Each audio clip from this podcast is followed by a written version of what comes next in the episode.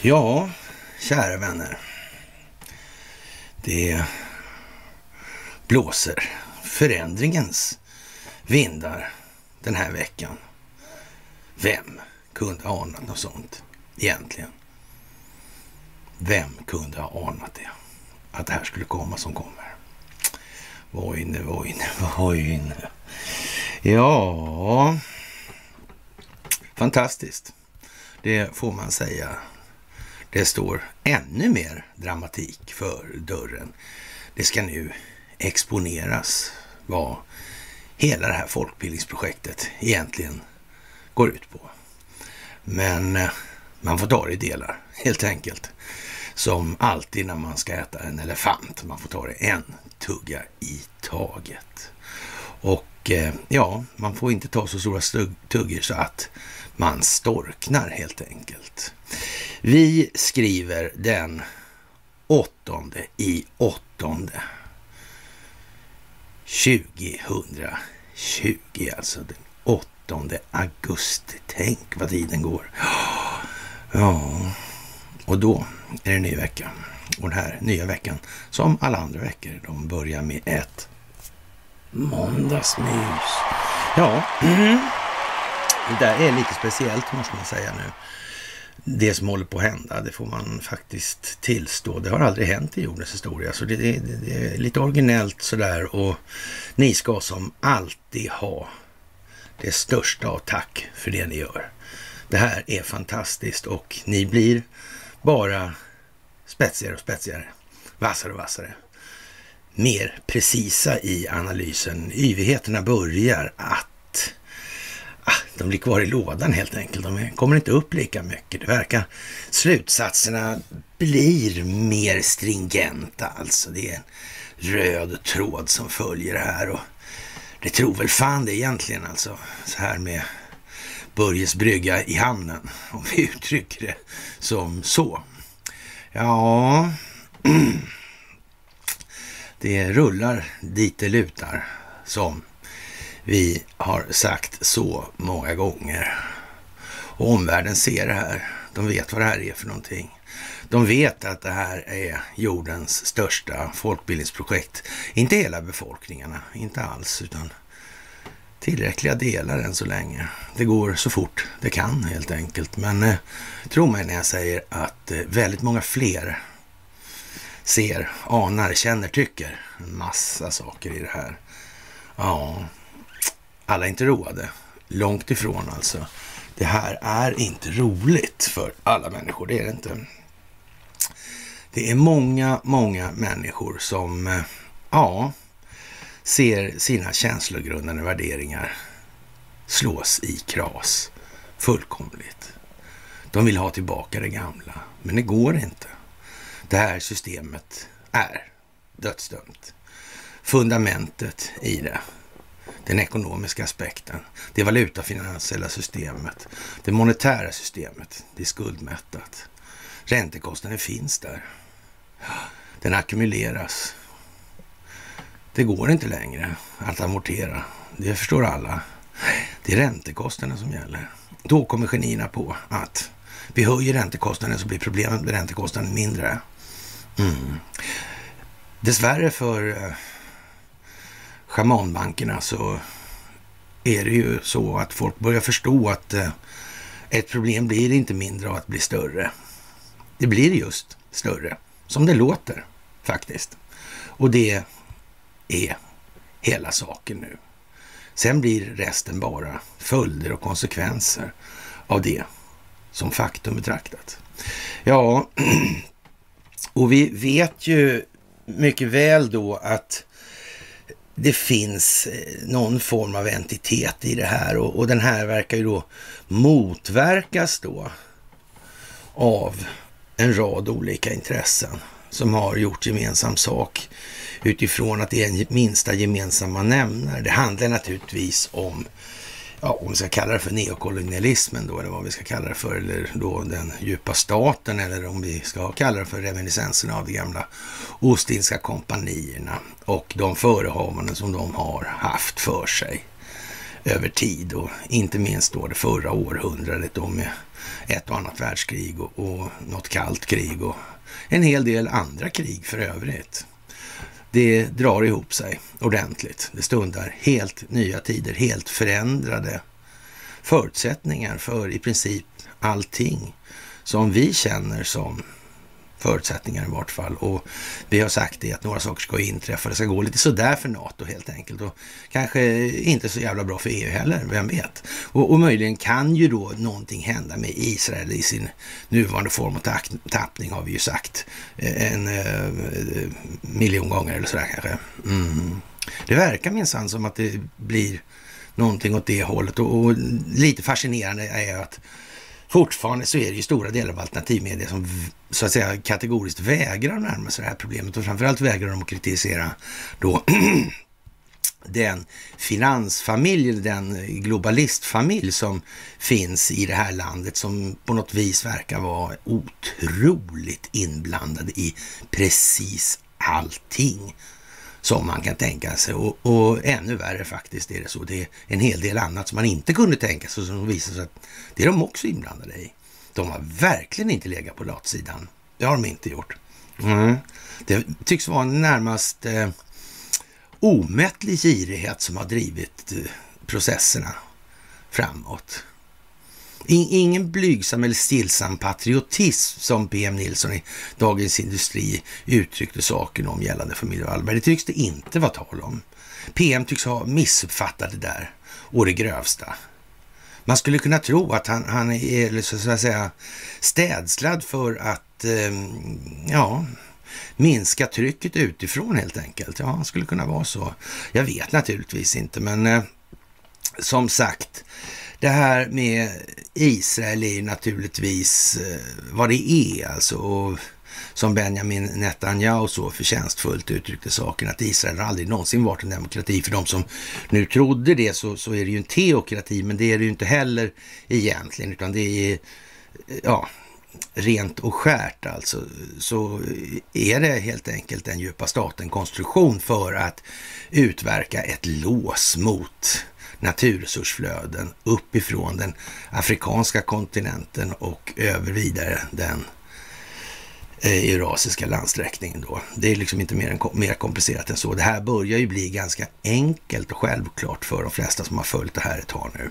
Och vad ska man säga, om man nu inte klarar av att hänga med i de här svängarna så finns det ju de här underbloggarna och eh, Free People's Movement serien där, eller sviten, som tar upp det här.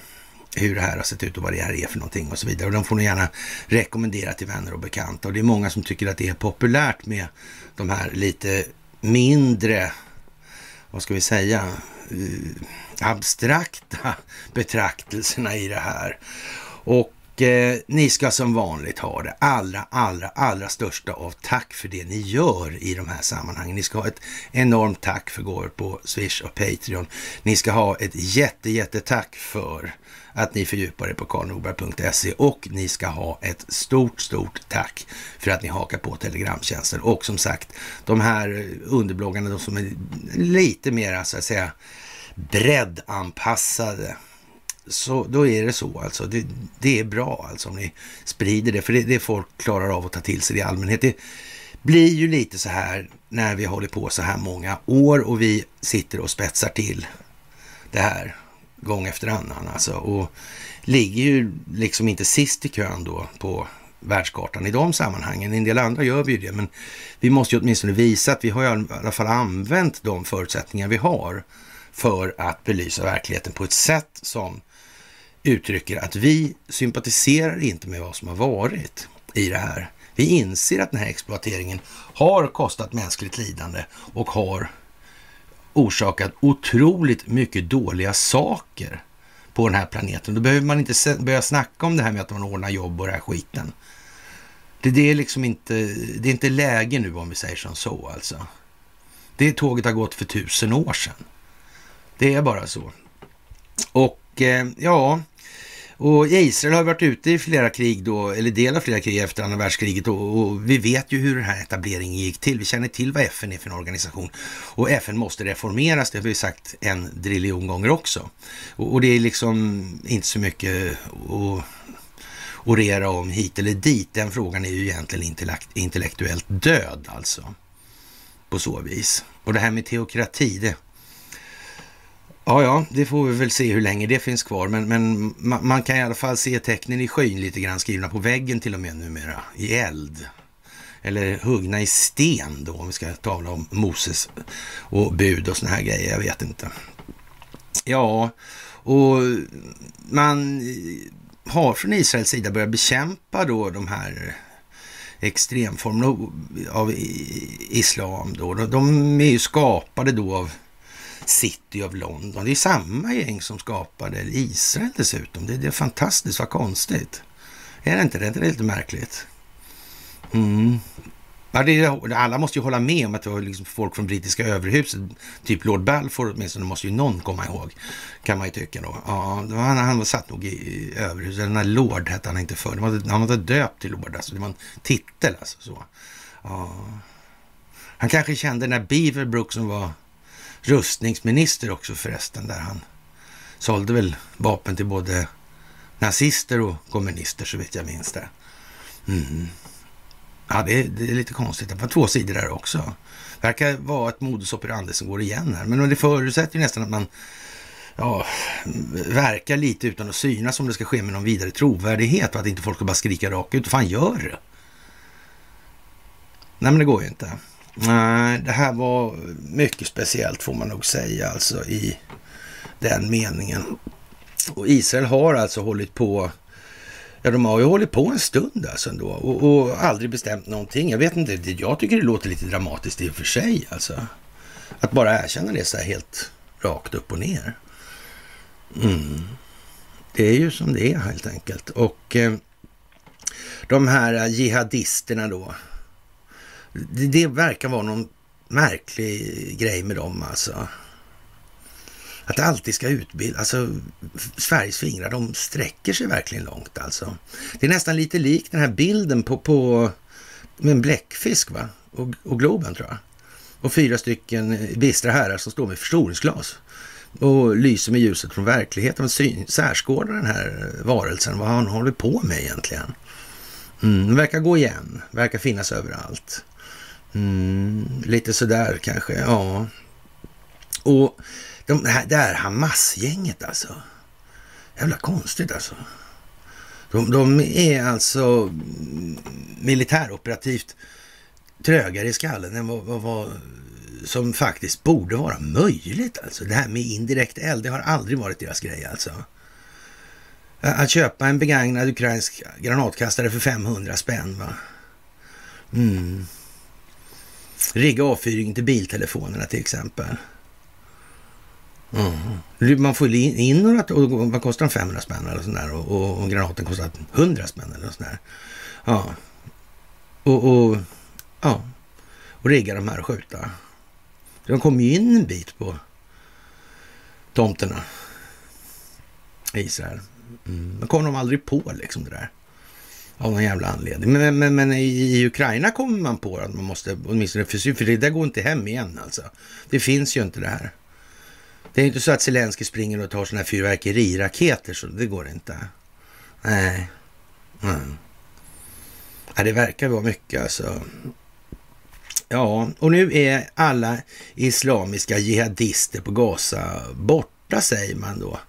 Eller påstår man då. Det kan nog vara så faktiskt. Det kan nog vara så. Om Benjamin Netanyahu känner till det här, om vi ska kalla det för missförhållande med att den djupa staten faktiskt aldrig, alltid har bestämt och israelerna själva aldrig har bestämt någonting. Va? Och halva gänget då verkar ju tro då att de sitter ihop i någon eh, religiös familj där de har den här så att säga, solidariteten med varann liknar lite grann av den svenska åkomma som Torsten Nothin så förtjänstfullt benämnde som en förekomst i framtiden att det svenska folket var dömt att upptäcka att dess välstånd var offrat på den falska solidaritetens altare. Man vet ju inte riktigt alltså. Det kanske visar sig då att, att den här eh, ja, berömda eh, religiösa kollektivismen eh, är egentligen kanske bara dold sketen filosofisk materialist, materialism hos individen. Jag vet inte. Jag såg något jävla stolpskott som hade en kommentar där då, liksom att eh, familjen Wallenberg hade gift, gift sig med kasarmaffian. Och, och, man undrar innan man inte har tröttnat på det där ännu. Ja, men varför har inte kasarmaffian börjat kriga mot frimicklarna eller de här entiteterna är inte enskilt vinstmaximerande och drivs av någon form av högre moralisk solidaritet. Så de åker inte i luven på varandra för att sno åt sig de andras förutsättningar som människan har gjort i alla tider tidigare. Särskilt då i sammanhang av till exempel nationell makt och sånt där. Men, men inte nu alltså. Och nu är det dessutom globalt då. Mm, vad fint. Mm. Och, och, är det verkligen säkert att underrättelsetjänstkollektivet då också lider av religiösa villfarelser i den utsträckning att de lånar sig till det här? Är det verkligen helt säkert? De kan inte sälja, de går inte att köpa, men omutbara helt enkelt. För om de vore mutbara, då skulle ju någon muta dem direkt och infiltrera dem och sen satt de där de satt. Det är ju lite märkligt tycker jag. Det är speciellt helt enkelt skulle jag vilja säga. Speciellt tycker jag. Ja, det, det, det kan man ju hålla på och, och kritisera, men det är nästan som man får intrycket också av att eh, när det blir så här då och, och folk inte vill ta reson i, i de sammanhangen, då får man ju nästan känslan att det finns en annan anledning. Det, det blir ingen resonans i, i det här. Man, man, kan liksom anföra hur mycket som helst. De kan dra den logiska kedjan ända ner till eh, dit det luktar svavel, eh, vitriol. Mm. Men det hjälper inte. De vill inte. Det är de här. De kan visserligen inte visa en enda saklig omständighet eller en omständighet i sak till styrkande av det de anför. Nej, utan det är en story från 900-talet liksom. Och där blev det någon form av ideologisk, moralisk lojalitet. Ja, det är ungefär som ett gäng bedragare liksom. De, de är bedragare allihopa, men eh, att de inte skulle lura varandra då vid första bästa tillfälle. My ass alltså. Mm. Jaha, och på tal om ass så har Ulf eh, Kristersson eh, gjort en chipspåse alltså. Nu får vi ordning på fredagsmyset.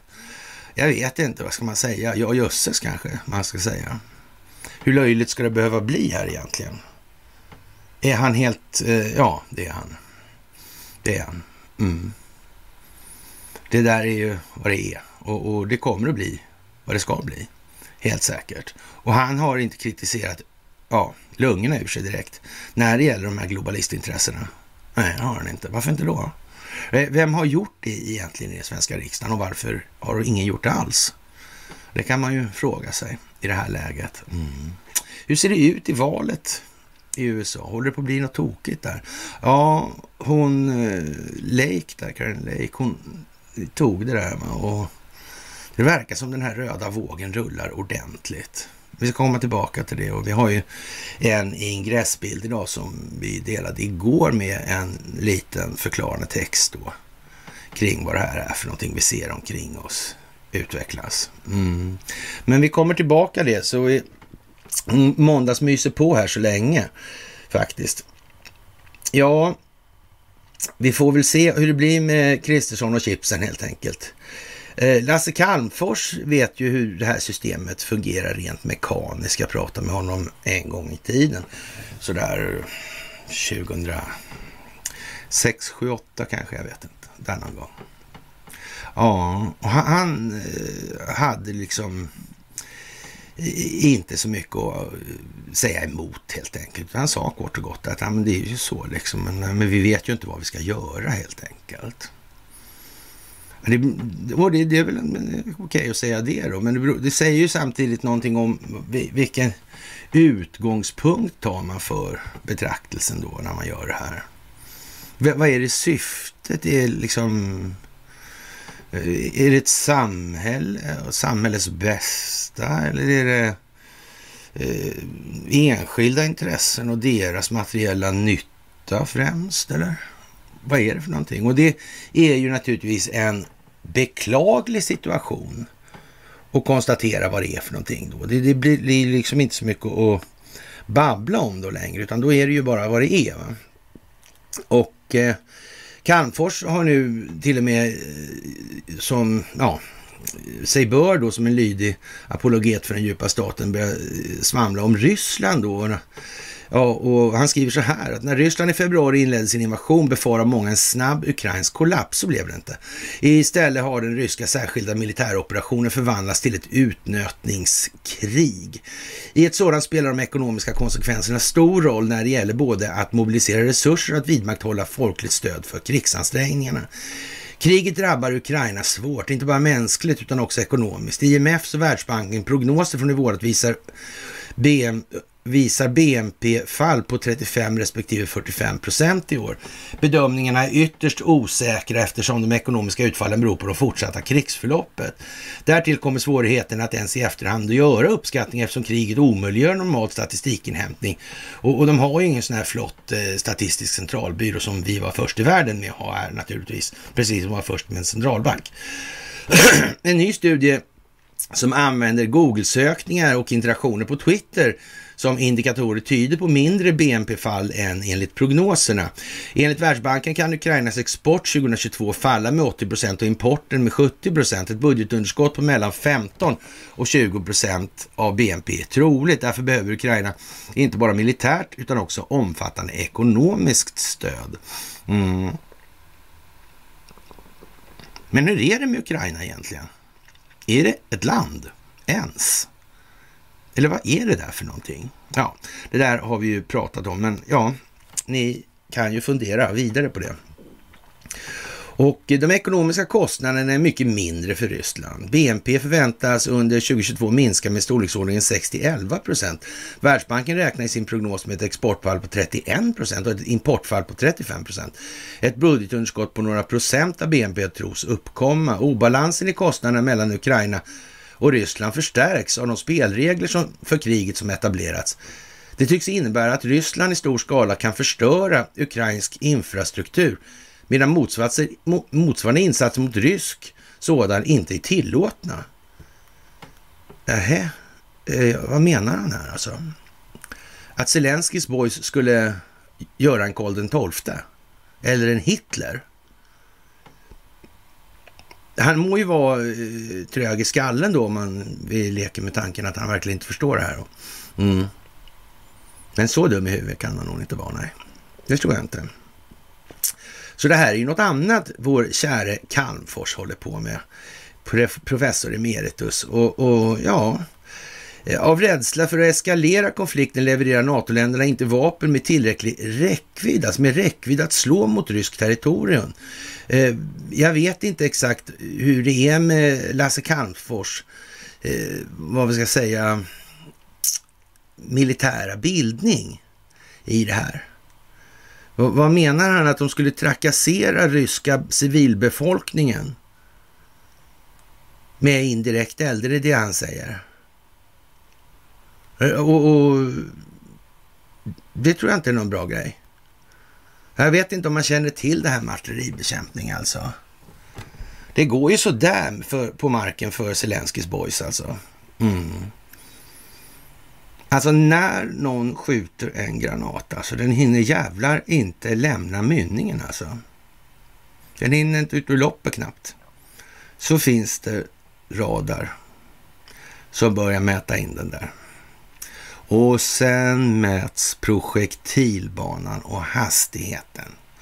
Och i dagens läge så räknar en dator så jävla otroligt fort i de här sammanhangen, alltså för att ta ut skjutelementen, alltså de, till exempel alltså koordinaterna på Xerxes Yngve då på kartan, eller som i Sverige då heter ja, rikets triangelnät och sådär. Och, och, det där är ju lite speciellt alltså. Så innan den här granaten eh, så att säga, landar i det möjligt, möjlig, tilltänkta målet så är ju så att säga någonting på väg åt andra hållet med vändande post då. Det kanske inte Lasse Calmfors fattar riktigt. Det är därför man har sådana här eh, ja, supersonics, alltså eh, med jättehög hastighet. Då. För det är ju också så att när den där är inkommande, då finns det ju luftrumsförsvar naturligtvis. De sitter ju inte och sover. Nej. Och de kommer ju motverka i det här. Mm. Så jag vet inte, det är återigen det konstigt det här som man uttrycker sig. Är han så här dum i huvudet? Nej, det tror inte jag på. Det tror jag inte alltså. Jaha, och eh, det där är ju speciellt. De ekonomiska konsekvenserna för Ryssland beror främst på västs sanktioner. Att rubeln nu är starkare än före kriget kan inte tolkas som att dessa skulle förfela eh, sitt syfte, de här sanktionerna. Nej, sanktionerna och drakoniska ryska kapitalkontroller innebär att det inte finns någon normalt fungerande marknad för rubeln. I det läget har rubelkursen drivits upp av ryska handelsöverskott, alltså högre exportintäkter än importutgifter. Ryska staten kan ta resurser i anspråk i krigsansträngningarna utan att behöva höja skatter eller sänka offentliga utgifter. Rysslands exportinkomster som främst kommer från råvaror som olja, gas och kol stiger sannolikt i år till följd av högre priser. Det är olyckligt eftersom mer än hälften av statsinkomsterna normalt härrör från råvarusektorn. Därigenom underlättas finansieringen av kriget. Ryska staten kan ta resurser i anspråk för krigsansträngningarna utan att behöva höja skatter eller sänka andra offentliga utgifter. ja, men allt för mycket av diskussionen om sanktionseffekterna ägnas åt Rysslands exportintäkter. De reala resurserna som kan användas såväl till kriget som till konsumtion och investeringarna är ju den inhemska produktion som inte exporteras plus importen. Den kraftiga nedgången av importen från väst innebär en direkt minskning av tillgängliga resurser som är svår att kompensera genom ökad import från andra håll. Kina finns inte i den här ekvationen för Lasse alltså. Eh, det uppkommer också en indirekt effekt därför att eh, inhemsk produktion också i olja och gassektorn är beroende av teknik som importeras från väst. Och det ryska näringslivets förmåga till importsubstitution, alltså att ersätta utebliven högteknologisk import med egen produktion är sannolikt begränsad. Ja, de har väl en otrolig rädsla för då immaterialrättsliga konsekvenser. Och eftersom de inte är strategisk partner med Kina som är oerhört aktsam med den typen av frågor och aldrig har gjort en enda piratkopia faktiskt. Inte en enda någon enda gång alltså. Och dessutom så har ju Ryssland dessutom snott åt sig ett och annat patent av, ja hur var det, 1400 för Ericsson till exempel. Det var ett företag. Finns det fler företag från väst som har blivit av med patenten, månntro? Kanske. Jag vet ju inte det. De som eh, har en stor marknad i Ryssland, kan det vara så att de faktiskt har blivit immaterialrättsliga förlorare på den här affären? Kan det vara så? Jag är inte säker. Men, men, men jag misstänker att det skulle kunna vara så lite grann. Alltså. Ja, jag, jag, tror att eh, ja, sanktionerna mot export till Ryssland och utländska företag företags uttåg från landet kan väntas slå hårt mot såväl levnadsstandard som krigsresurser där alltså. Mm. Ja, de har ju eh, den vinstmaximerande ja, det, eller det vinstmaximerande militärindustriella komplexet i Ryssland, det är ju inte riktigt så stort som Lasse tycks uppfatta att det är alltså. Men nu börjar Lasse framstå som Lasse liten här helt plötsligt. Det är konstigt. Mm. Eh, det Ryssland kan svara med är att ytterligare minska gasexporten till Europa. Eh, den utgör en betydligt mindre del av de ryska statsinkomsterna än oljeexporten samtidigt som många EU-länder är starkt beroende av den. En gradvis minskning av gasleveranserna i takt med att alternativ energiförsörjning ökar ligger i EUs intresse, men ett omedelbart stopp ger stagflationsproblem alltså. Enligt beräkningar av IMF, det är en fin firma förresten som vi ska komma ihåg nu i de här tiderna, för de möjligen ha någonting att vänta i framtiden som kanske inte gläder alla anställda där, nej. Det, det tror inte jag i alla fall.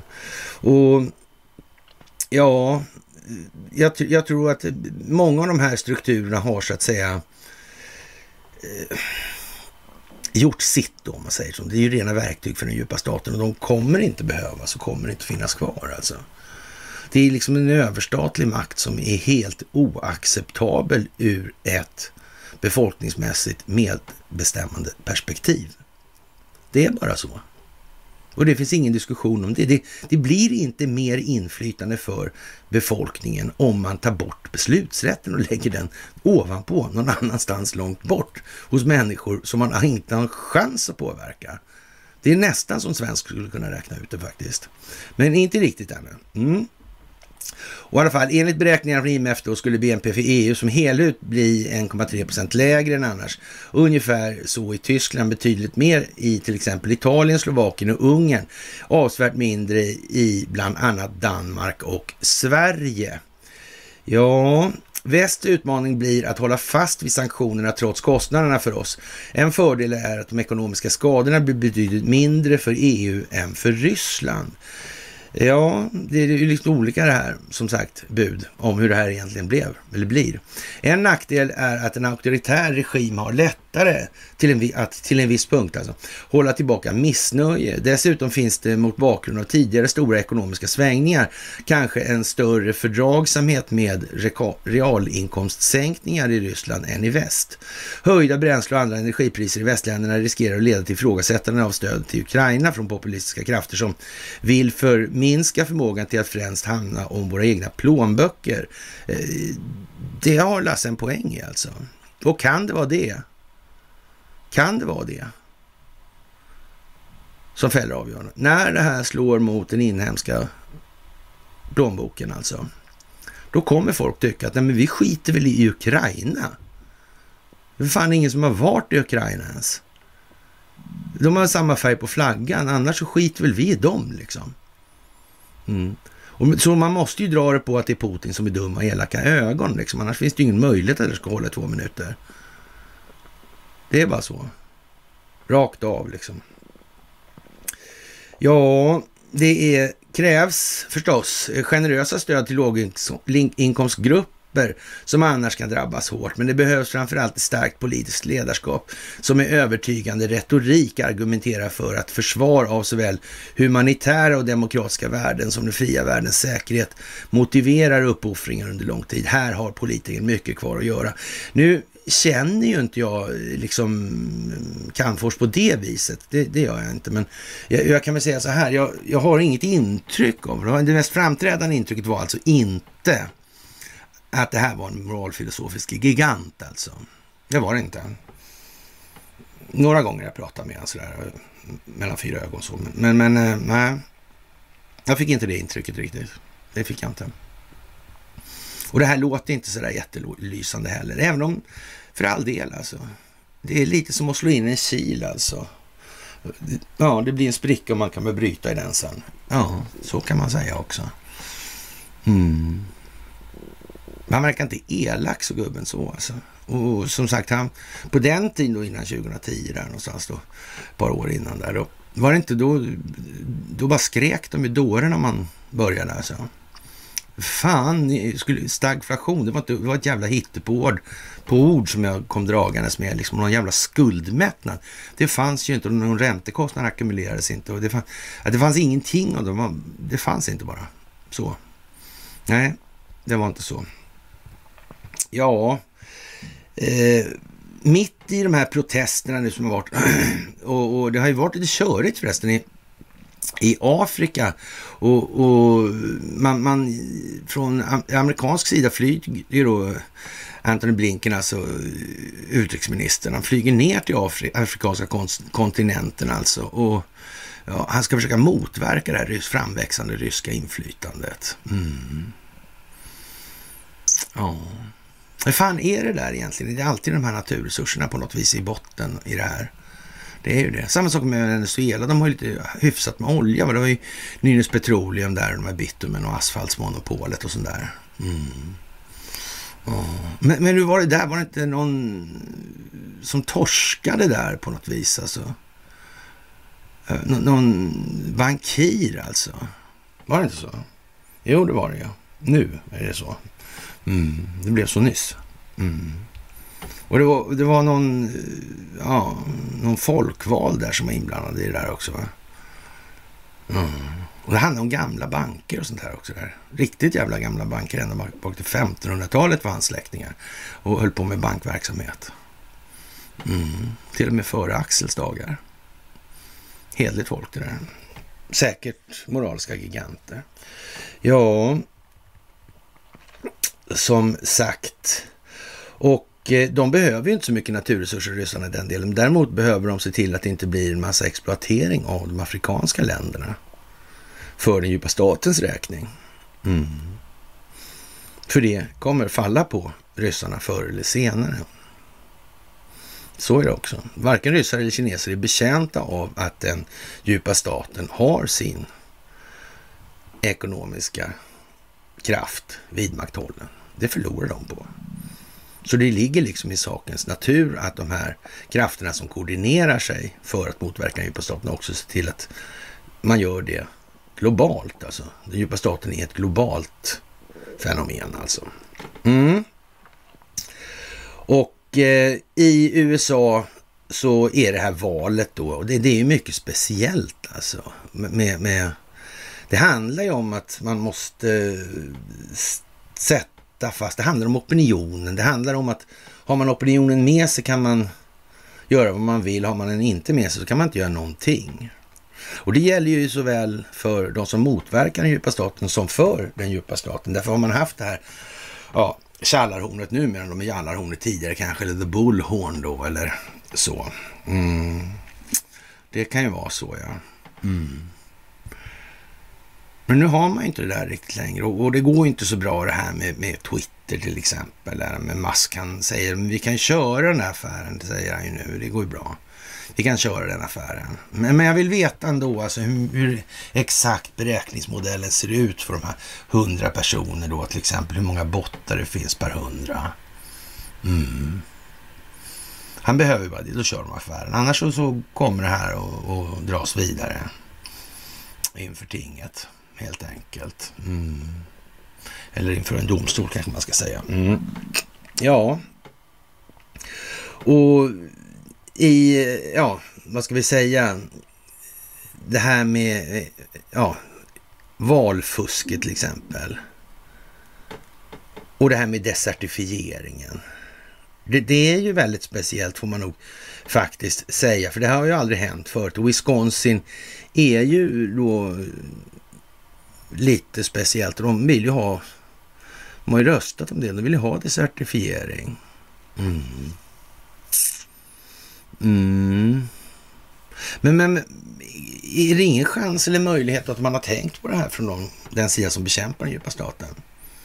Jag menar, ingen kan ju liksom säga emot. Liksom. Att det är klart att om det blir valfusk liksom, så, där, så då måste man ju kunna göra någonting åt det i efterhand. Liksom. Och om de har nu rubbat på hela beslutsprocessen eller ja, så att säga, infiltrerat dem och korrumperat dem, då måste man ju kunna göra någonting åt det efter rätta till det så att säga, så att inte skadan blir för stor. Alltså. Mm. Kan någon ha tänkt på det här tro? Mm.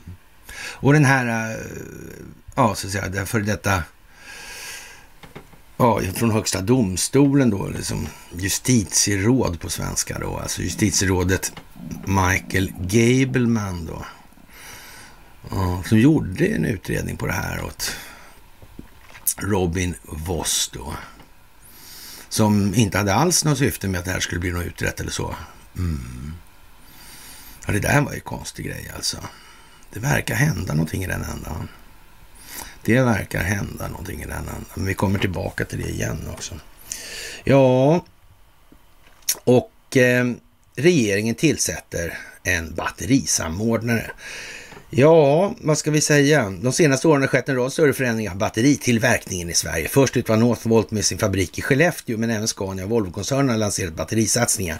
Den gröda omställningen som svenska fordonsindustrin står för är omfattande och komplex och måste ske i mycket snabb takt. Elektrifieringen är avgörande för att minska utsläppen, säger näringsminister Karl Petter Thorvaldsson. Ja, vad ska vi säga om Karl Petter alltså?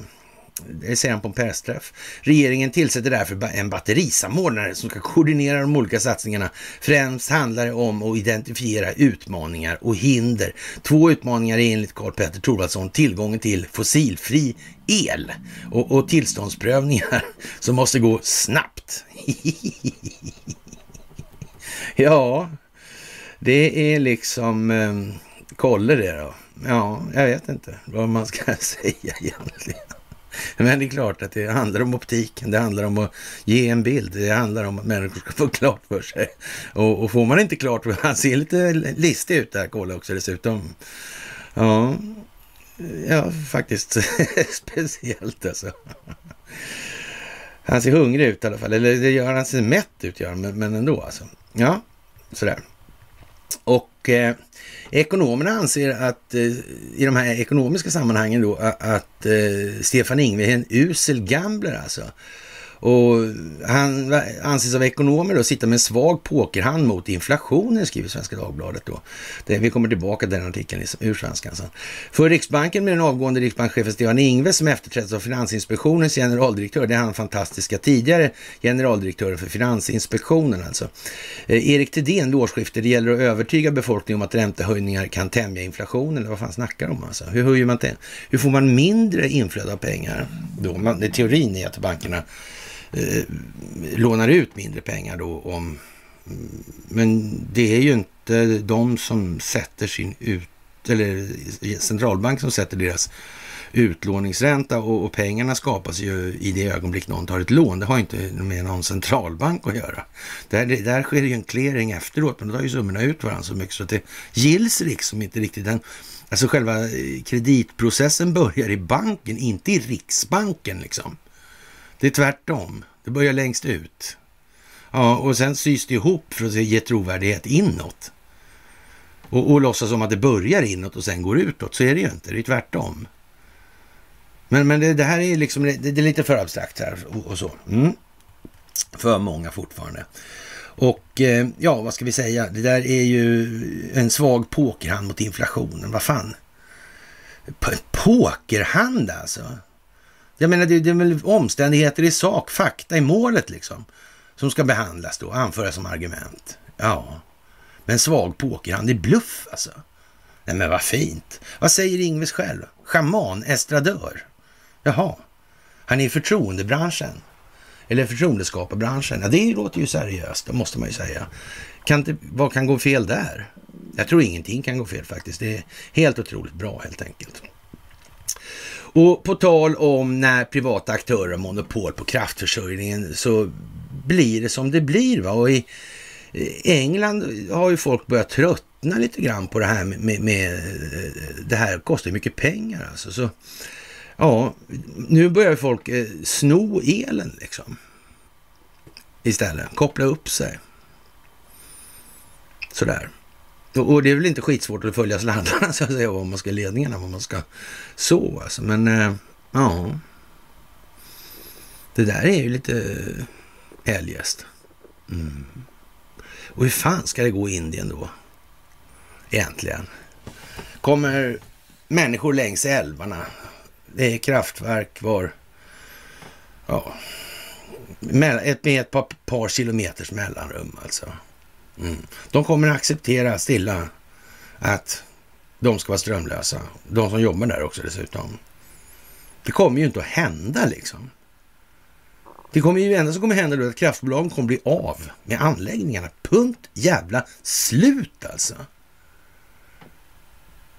Det går en smärtgräns någonstans. Det är bara så. Mm. Nu tror inte jag att det kommer gå så långt, därför att jag tror att den här verksamheten med de här små modulära reaktorerna kommer att visa sig ha pågått bra mycket längre och definitivt ha varit i säck väldigt lång tid innan det kommer i påse nu. Och eh, ja, när Stjärnan skriver om Marviken i positiva ordalag som en möjlig plats för etableringen av en sån här SMR-anläggning, ja, då är det som det är alltså. Mm. Det är ju liksom fantastiskt. Stjärnan, han är ju som hemmabana det här. Fast nu ska vi inte kanske tro att det ska vara liksom de här riktiga markägarna som stjärnan har arrangerat. Så det får nog bli något annat helt enkelt. Så. Ungefär som med Kolmården. Det har blivit lite nedläggning av vargverksamheten och delfinverksamheten. Men berg och dalbanan står ju förvisso kvar alltså. Mm. Den gör ju det. Och vi var ju på stjärnan om det här för många år sedan då i de här sammanhangen. Och vi kan liksom inte föreställa oss att han har gjort det här särskilt frivilligt. Det känns inte, det känns inte som han, hans grej riktigt. Faktiskt. Det gör inte det. Nej. Och eh, i England har man nu mottagit då 3600 rapporter om oärlig användning av elektricitet alltså. Och, och, ja, en ökning med 13 procent jämfört med föregående år, den högsta nivån sedan registreringarna började 2013 alltså. Och folk tröttnar på det här alltså. De tröttnar på det här och det är naturligtvis blir de ännu tröttare alldeles snart när priserna går upp ännu mera. Givetvis alltså. Och möjligen är det så att det finns en tanke med det. Möjligen så finns det en tanke bakom det här. Möjligen handlar inte det här om länder mot varandra. Möjligen handlar det här om länders befolkningar mot den djupa staten inom det egna landet koordinerat med andra länders insatser mot sina egna djupa staten-element för att nå de här globala synergieffekterna i kampen mot den djupa staten. Det kan vara så alltså. Ni ska inte utesluta det ännu. Det kommer kanske eventuellt att visa sig rent utav alldeles snart alltså. Ja, och sen har vi ju skatten då i det här och, och moms och alla de här grejerna mm, på energin alltså. Det där verkar vara rena lekstugan faktiskt. Mm. Och det här med inflationen, det är ju en trist historia kort sagt alltså. Det är mycket, det är fluffig ekonomiprosa helt enkelt. Det håller inte streck för en enda eftertanke i sin logiska konsekvensanalys. Nej, det gör det inte. Ja, och, och, då vill man ju skyffla ut mer pengar då istället. Och man undrar ju lite vänligt hur, hur de ens kan tro att de ska tro på det där skiten. Mm. Det är inte så att de tänker driftsätta likviditet på det viset bara för att folk inte ska... För, för det saknas ju pengar. Hur ska de få ut de här pengarna annars? Mm. Man måste hålla uppe konsumtionen, annars så skiter det sig helt enkelt. Ryssland har idéer om att skapa militärbas i Serbien nu till exempel. Ja, vad konstigt. Det är oväntat. Det är ju oväntat alltså. Det, det kunde man ju aldrig ha tänkt sig skulle komma ens. Nej. Och, och, Serbien är ett vänligt land och Belgrad är i grunden emot antiryska sanktioner. Eh, det finns vissa element där naturligtvis då från djupa staten. De är inte riktigt emot eh, sanktioner mot Ryssland på, med samma entusiasm i alla fall, ska vi väl säga då. Och eh, Moskva och Belgrad fortsätter att framgångsrikt bedriva militärtekniskt samarbete. Ja. Mm. Men det är naturligtvis ett problem det där. Och hur kan det bli så där infiltrerat? Ja, det beror ju på att det finns element av egennytta i en för stor utsträckning för att det här ska bli hållbart eller långsiktigt hållbart för samhällsutvecklingen. Annars hade det inte fungerat överhuvudtaget. Och det är liksom inte mycket att diskutera om den saken. Jaha, EU-experter då, de svenska gränskontrollerna är olagliga och det är ju fantastiskt. Och många av de här ämnena nu har vi ju tjatat ut och in och fram och bak och upp och ner och hit och dit. Va? Och det, här är ju, börjar ju bli svårt att sätta ord nu på det här på fler sätt än vad vi redan har gjort. Men, men vi får ju hålla i alltså sådär och så får vi väl satsa ännu lite mer på, på så att säga marschen framåt i det här så att säga. Vad, vad, vad, vad som kommer, varför kommer det och vad måste ske då och vad ska vi göra? Vad borde, hur, hur borde vi tänka egentligen för att då nå en långsiktigt hållbar samhällsutveckling där individen är utgångspunkt för samhället. Alltså, för det är bara om individen utvecklas som samhället kan utvecklas så. Och det vet jag att jag sagt en gång förut. Alltså. Så, men jag säger det igen, alltså, för det är lite viktigt. Ja, ja. De svenska gränskontrollerna mot Danmark är olagliga hur som helst och Sverige kommer att behöva betala skadestånd om individer och företag går till domstol. Det säger experter på EU-rätt till Dagens Nyheter. Schengensamarbetet är en av de synligaste och populäraste konsekvenserna av EU-medlemskapet. Människor kan resa fritt över landsgränser utan att behöva visa pass eller köa till poliskontroller. Reglerna som styr Schengensamarbetet är glasklara. Länderna får inte ha systematiska kontroller vid de inre gränserna. Däremot får de ut tillfälligt införa kontroller som längst sex månader då. Om det finns ett allvarligt hot mot landet. Till exempel införde Sverige och Norge under några dagar gränskontroller med efter terrordåden i Oslo och Utöja 2011. Det där med Utöja har vi inte sett det sista av kan vi väl tillägga i den delen. Och sen får ni fundera lite på det. Men det var i alla fall Statoil som fick eh, lite diesel och konstgödsel på en lastbil eller i en skåpbil. Men sedan flyktingkrisen 2015 har Europas gränser återuppstått i flera länder, däribland Sverige, Tyskland, Frankrike och Österrike har det som tidigare varit undantag blivit en regel då. Och det var inte så populärt alltså. Häromåret prövades lagligheten i Österrikes gränskontroller. En man reste från Slovenien till Österrike och vägrade visa legitimation vid gränsen och fick böter på motsvarande 380 kronor. Han tog fallet till Österrikes domstol som sin tur skickade frågan till EU-domstolen i Luxemburg. Så som nationella domstolar gör när de behöver hjälp att tolka EU-rätten. Så det här med länders självbestämmande i den delen det har kommit lite på skam då. Det är möjligtvis så att det finns en optisk mening bakom det, ett syfte att folk ska se det här alltså. Då spelar det ju alltså ingen roll vad man stiftar för lagar och vad man bestämmer. Den lagstiftande församlingen är ju tandlös i den meningen och dessutom har regeringen i Sverige tillskansats abolitionsrätten. Det blir bara bättre alltså bara bättre. Att Robert O'Brien sa att det handlar om svenska rättssystemet, det kan man fan se som eh, århundradets understatement helt enkelt. Mm. Och våra kära jurister, de har ju skrikit, de har ju verkligen slagits på barrikaderna för att komma till rätta med de här avarterna eh, till moraliska företräden vi ser. Det är ju helt otroligt alltså. Fantastiskt vilka människor. Eller är det som Donald Trump säger? Det finns inga advokater som säger nej till pengar och berömmelse. Jag menar, man kan väl inte... Är det liksom... Eh, ja, vad ska man säga? Tecken på självskattningen alltså. Hur, vad har de människorna för självkänsla egentligen i så fall? Jag menar, det är de sämst skickade om det är så. Det är ju bara det. Jag menar, man, men man får ju hoppas liksom att om man, man får acceptera att landet ska med lag, på lag byggas. Men, men all den stund man upptäcker att de här som skriver lagarna har ju faktiskt de har varit korrumperade, de har haft andra syften. Jag menar, då måste man acceptera det. Man får inte liksom bara, ja, men då har vi bara de här lagarna. Men då får man göra, bryta mot de där lagarna. Om det är så jag uppmanar inte till det nu, det är inte det jag säger. Men man måste faktiskt se saker för vad det är och sätta det ur ett tillräckligt stort perspektiv för att få en tillräckligt rättvisande beskrivning av verkligheten. Det är bara så. Inget annat. I slutet av april i år kom EU-domstolens utslag. Österrikes gränskontroll stred mot EU-rätten. E EU-länderna e får visserligen ha tillfälliga gränskontroller i sex månader åt gången, men för varje gång krävs en ny bedömning och ett nytt allvarligt hot som skäl för beslutet. Poängen med tillfälliga kontroll kontroller är att landet ska få ett halvår på sig att lösa det specifika problem som gett upphov till behovet av gränskontroller. Och man får nästan misstänka att i bak slutändan på det här eller liksom som en ohelig ande eller osalig ande kanske rent ut sagt eller av.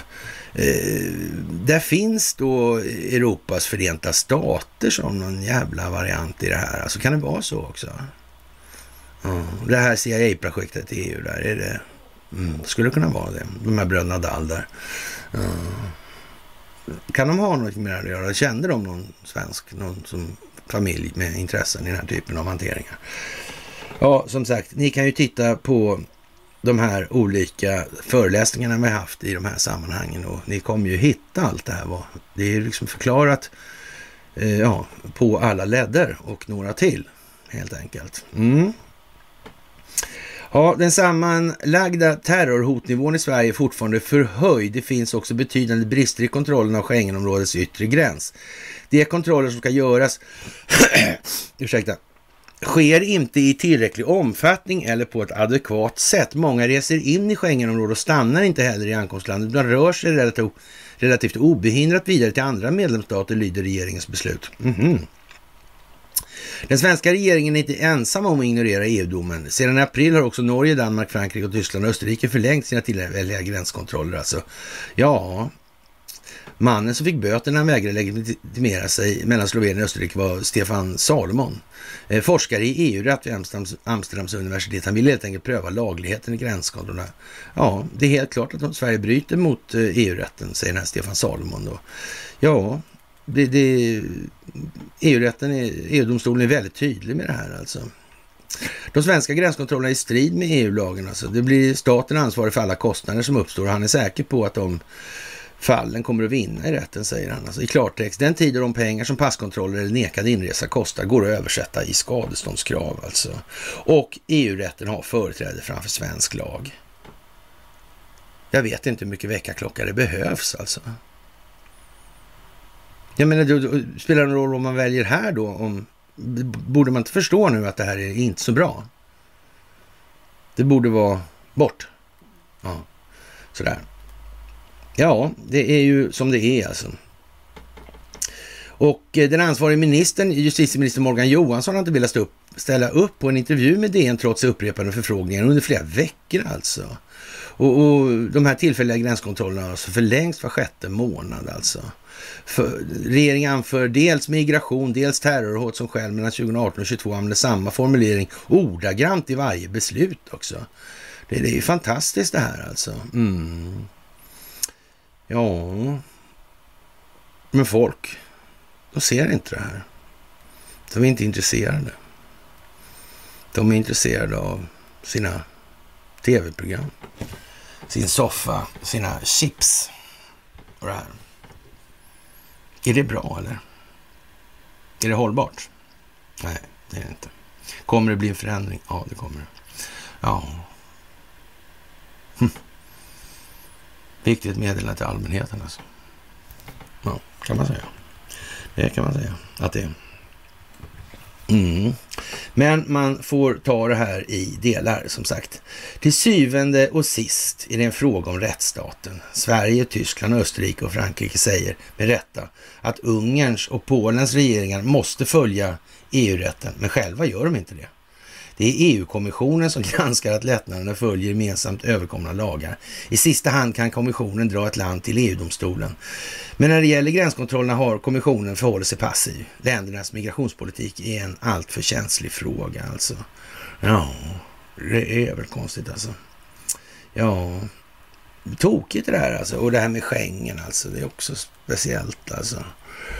Mm. Hur är det med smuggling och sådär? Gynnas det av det här eller? Mm.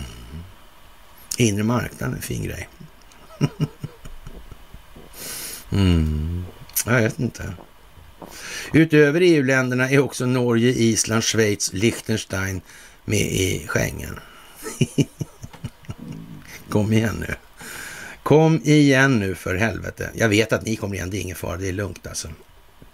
Sådär. Och eh, som sagt, eh, att gapa om svexit hit och dit är ju liksom lite populistiskt sådär, men det, räcker inte. Va? Man måste ta ett helhetsgrepp på det här, göra en sak sådär. Det eh, går inte alltså.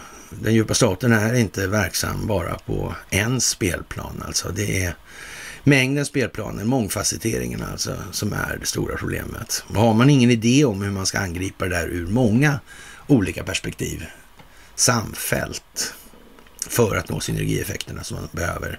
Här, då får man nog vänta. Då ska man nog helst vänta och prata också lite grann sådär. Mm. Och det är just det här med koordinationen, den är ju inte så jättepopulär. För det, eh, vadå, skulle världsledare liksom så här, skulle de komma på då liksom att samarbeta och koordinera mot det här? Och, och dessutom verkar det som vi sitter på totalt fel sida av ekvationen i den meningen. Mm.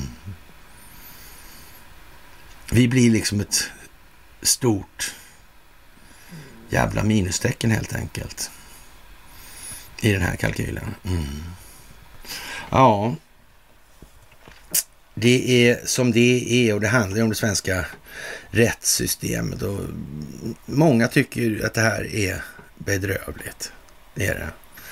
Och eh, dagens juridik ska ju vara då en, ja vad ska jag kalla en kanal för juridiska spörsmål. Men det håller ju på att bli någonting annat av det där nu. Faktiskt. Märkligt det där. Konstigt, rent ut sagt alltså. Drygt hälften av svenskarna tror på fallande bostadspriser. Men det, vem säger det och hur vet man det? Hur har man mätt det här? Och, och, och de här statistiska ja, instituten eller verksamheterna. Jag skrev en, ja, en artikel för, vad fan hette det nu då? Eh, ja, det var TV4 i alla fall. Och han Niklas Svensson där, som frågade om jag kunde göra det. Och då handlade det om de här äh, opinionsmätningsinstituten. Alltså det, ja, opinionsbildningsmätningsinstituten brukar man ju säga då direkt sådär. Men, men i alla fall, och, och hur de här, de här äh, ja, demoskop och de här. Och hur det, de här ägarstrukturerna, det var ett förvånande litet antal ägare och det fanns flera stycken som satt i, i, i flera av de här också.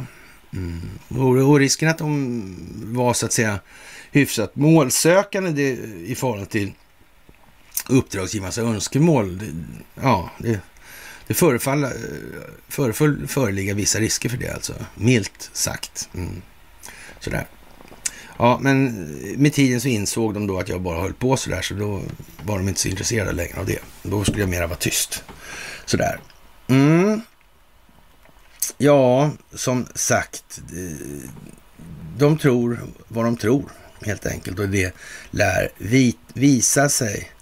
Och Dagens Juridik, de pratade till exempel om det här mergers and acquisitions då, alltså eh, fusioner och, och, och, förvärv alltså. Så.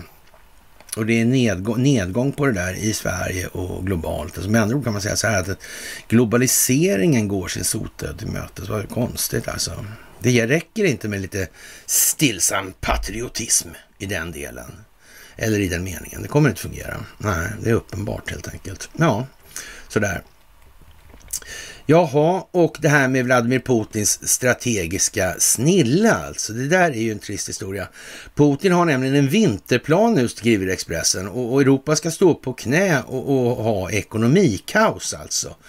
Och eh, jag vet inte varför han inte fattar det där någon gång, liksom att om man nu ska tolka Expressen, ja, ja Expressens ord till sitt nominella värde då kan vi ju uttrycka det som. Men, men det är ju meningen att vi inte ska det. Det måste ju alla förstå. Va? Expressen är då eh, strategisk samarbetspartner till CNN då ska man säga också. Och eh, Europa förbereder sig på en tuff vinter och strypta gasleveranser från Ryssland hotar att leda till ransonering av energi när kylan slår till. Flyktingströmmar orsakade av livsmedelsbrist sätter press på EUs medlemsstater. Hushållen pressas av höga elpriser, sänkta reallöner och stigande boräntor.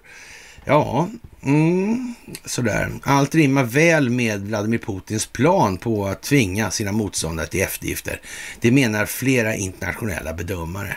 På energisidan har det mörknat sedan kriget bröt ut, säger Håkan Frisén, prognoschef på inget mindre än SEB alltså. Mm. Det börjar bli lite övertydligt. Folk måste faktiskt eh, se det nu. Hellre förr än senare alltså.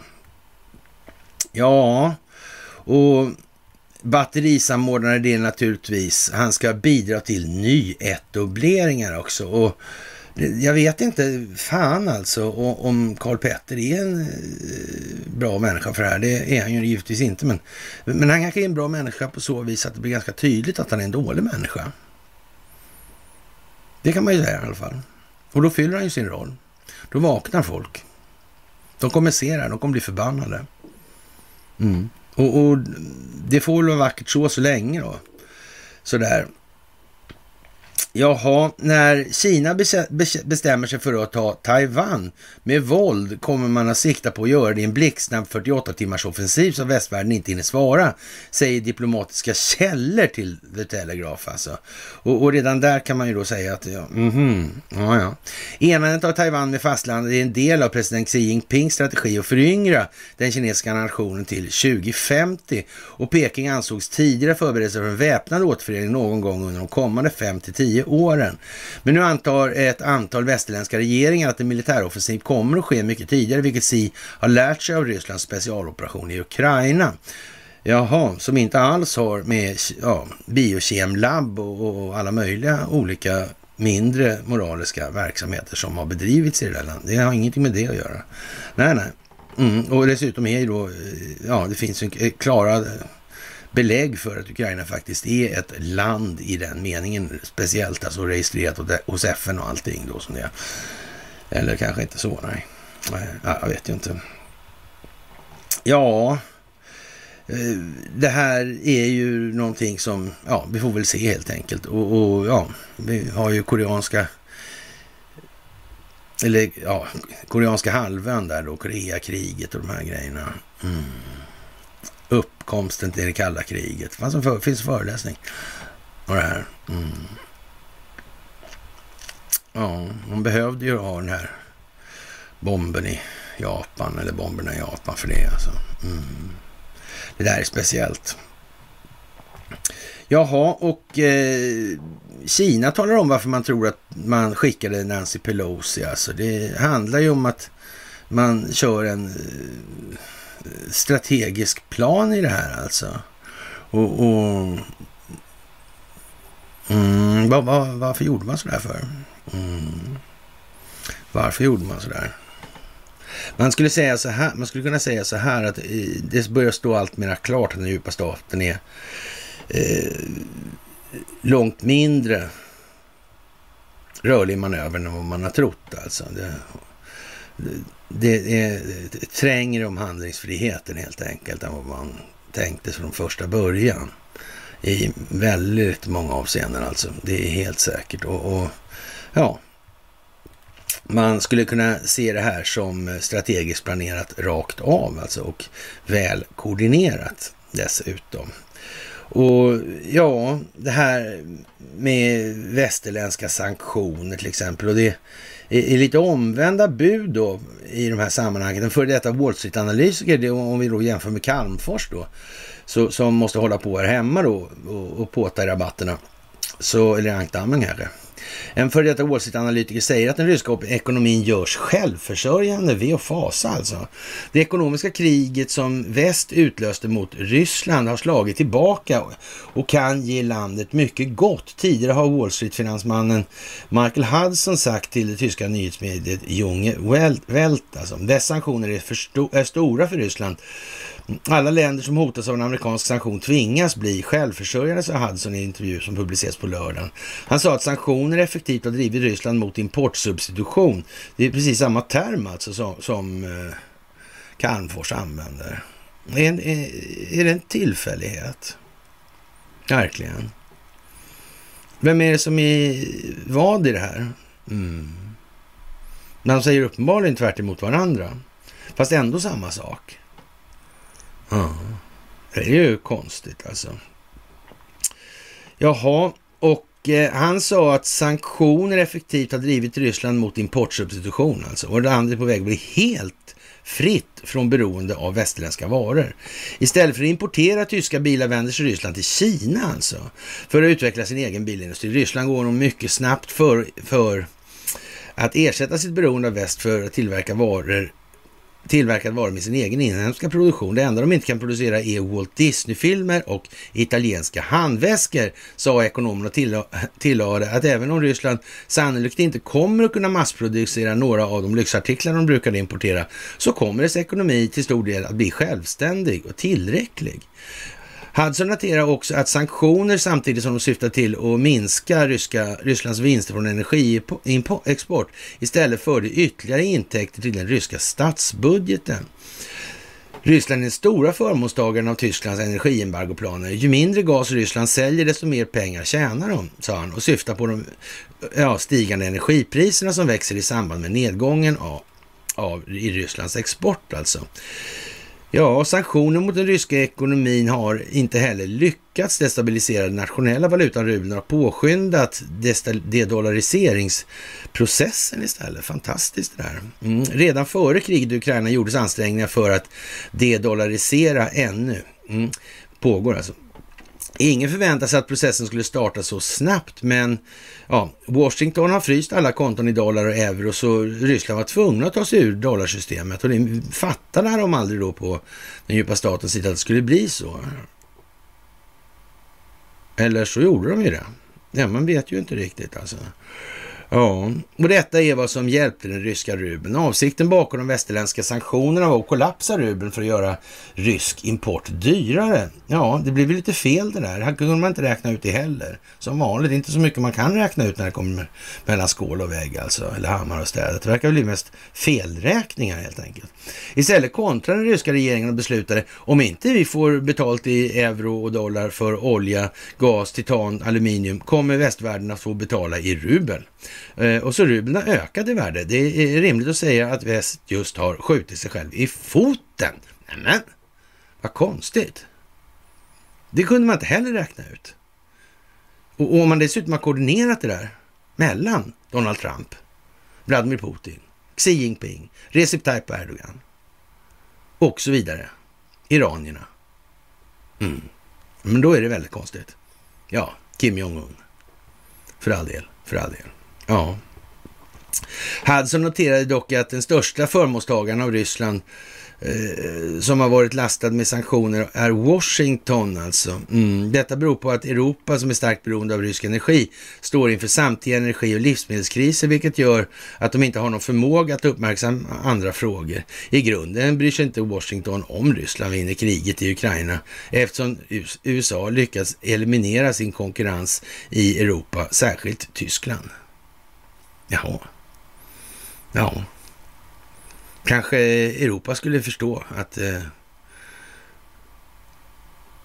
det är länderna som gäller. Mm. Inte överstatlighet. Nej. Nej, så. Ja, ja, men det tar väl så småningom fäste får det i alla fall. Men, men som sagt, det tar lite tid. Så är det ju. Jaha, och eh, Sverige ska då förbereda ukrainare för militärtjänst. Alltså man ska ha, hålla någon jävla GMU-utbildning där, grundläggande militär utbildning då för då ukrainska, jag vet inte vad liksom, men den där, ja vad ska jag säga, är det legoknäktskola då vi snackar om här eller vad är det för någonting? Jag vet inte faktiskt. Men som sagt, det här med mer avancerade system och såna här grejer och ja, det här med handhavandet av sånt. Och det är ju som det är alltså. Det är det ju. Mm. Och det, diskar man inte av på en kafferast. Sådär, det är bara så. Och eh, som sagt, vi får väl hoppas att de lyckas eh, genuscertifiera de här militära GMU-utbildningarna alltså. De kanske kan ha en Pride-mössa på sig också. Ja, var inte hon tantan där? Va, eller var det säkerhetspolistanterna? Mm. Nej, det var väl hon. Hon var väl där, va? Mustkärringen. Mm. Ja, jämlik som fan i alla fall. Det är bra. Det är bra. Ja, och det här med vad man pysslar med när man gör sanktioner mot Taiwan då, när det gäller halvledarkomponenter. Vad det ställer till med i förlängningen. Mm hur man hamnar i förhållande till USA. Man kan man rent av bli terroristklassad. Hur fan är det där med Panda Electronics? Det var väl en stund sedan ändå, var det inte det? Men jag tror det. Jag kanske minns fel. Hade inte de ett, inte det ett samägt bolag på något vis med kinesiska kommunistiska partiet och Ericsson? Är det verkligen okej okay för USA i det här läget.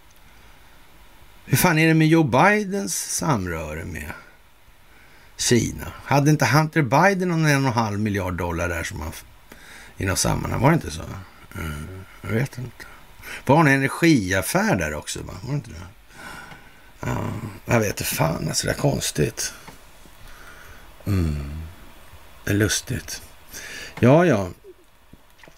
Det är krympflation höll vi på att säga, men organiserade brottsgrupper i EU i alla fall. Och 70 procent av de västerländska vapnen som skickas till Ukraina når inte några trupper alltså. Jaha. Och, och rapporterna som kommer nu, de tyder på att USA verkar upprepa misstagen i Afghanistan, Irak och Syrien. Jaha, är det så alltså? Mm. Men de kanske har på något vis beväpnat och, och finansierat miliser också kanske, jag vet inte. Men det, det skulle i alla fall inte Sverige blanda sig i, det är helt säkert alltså. Ja, med USAs allierade lovandes att man ska nå oöverträffade nivåer av militärt stöd till Ukraina antydde en färsk CBS News-rapport att det är endast omkring 30 procent av de vapen som skickas av väst som faktiskt når fram till frontlinjerna. Rapporten kompletterar pågående rykten om slöseri, korruption och vinstjakt på svarta marknaden. Men vad hemskt! Inte där också. Det är precis som det går ut på att visa det hela tiden. Kan det vara så jävla dumt alltså? Men det, åh, ja, nej, jag vet inte. Alltså, jag vet inte, jag har ingen aning. Jävligt konstigt alltså. USA har godkänt mer än 54 miljarder dollar i ekonomiskt och militärt bistånd till Ukraina sedan februari, medan Storbritannien har åtagit sig nästan 3 miljarder dollar enbart i militärt bistånd och EU har spenderat ytterligare 2,5 miljarder dollar på vapen till Kiev. Ett helt spektrum av utrustning, från gevär, granater till PV-missiler och, och gud vet vad, alltså raketsystem, har lämnat västvärldens vapenförråd till Ukraina. De flesta ja, i, åkte in i landet via Polen. Alltså allt detta går, det går sällan smidigt avslöjade CBS News den här veckan. Alltså. Eh, allt det här går över gränsen och sen händer något. Ungefär som att 30 procent av det når sin slutdestination, berättade Jonas Öman tror han heter då, eller Oman.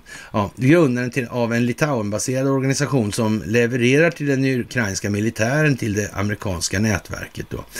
Oman eller Öman sa att få vapnen till trupperna innebär att navigera i ett komplext nätverk av maktherrar, oligarker och politiska aktörer. Det finns egentligen ingen information om var de är på väg överhuvudtaget, sa Donatella Rovera, senior krisrådgivare på Amnesty International till CBS. Det som är verkligen oroande är att vissa länder som skickar vapen inte verkar tro att det är deras ansvar att införa en mycket robust tillsynsmekanism i det här. Tänk att de glömmer det då. Men, men hur var det där egentligen om de här pansarskotten till exempel då? Ja, om man inte ska ha liksom ett jävla gangsterliv på hemmaplan, då ska man inte ha så mycket sånt där liggande i gamla mobblader och skit alltså. Inte, inte i kasuner heller för övrigt, för det är inte så svårt att ta sig in i dem om behov föreligger och tillräckligt kompetent personal finns att tillgå liksom. Mm. Ja, det där är liksom som det är. Ja, ja, ja, ja, ja, ja. Ukraina insisterar på att de spårar varje vapen som korsar dess eh, gränser med eh, Jurij Sack, rådgivare till försvarsminister Alexej Resnikov, som sa till Financial Times förra månaden att rapporter om motsatser kan vara en del av Rysslands informationskrig för att avskräcka internationella partners från att förse Ukraina med vapen. Man kan ju också se det så här att det pågår en ganska så utbredd demilitarisering av de här givarländerna. Mm, det skulle man kunna säga. Mm. Och, och, ja, hur är det egentligen med nyanskaffningsförmågan i de här sammanhangen? Är den bra den? Det är bara att ringa på Investor eller ja, försvarskoncernerna så är det klart. Ja, men då vet vi då. Vissa tjänstemän i väst har slagit på varningsklockorna ordentligt. Amerikansk, en, amerikansk underrättelsetjänst sa till CNN i april att Washington har nästan noll aning om vad som händer med de här vapnen och beskrev transporterna som att de faller ner i ett stort svart hål när de väl kommer in i Ukraina. Kanadensiska källor sa förra månaden att det, ja, det har ingen aning om var deras vapenleveranser faktiskt hamnar. Jaha, vad tappert. Men det här är inget riggat spel eller? Nej. Det är ju märkligt alltså. Man skulle kunna tro det alltså. Det ser visserligen ut som en anka, låter som en anka, går som en anka, smakar till och med som en anka när man äter upp den ja, i lagom stora delar. Mm. Men det är jävlar ingen anka alltså. Det är en späckhuggare. Mm. Eller kanske inte. Jag vet inte.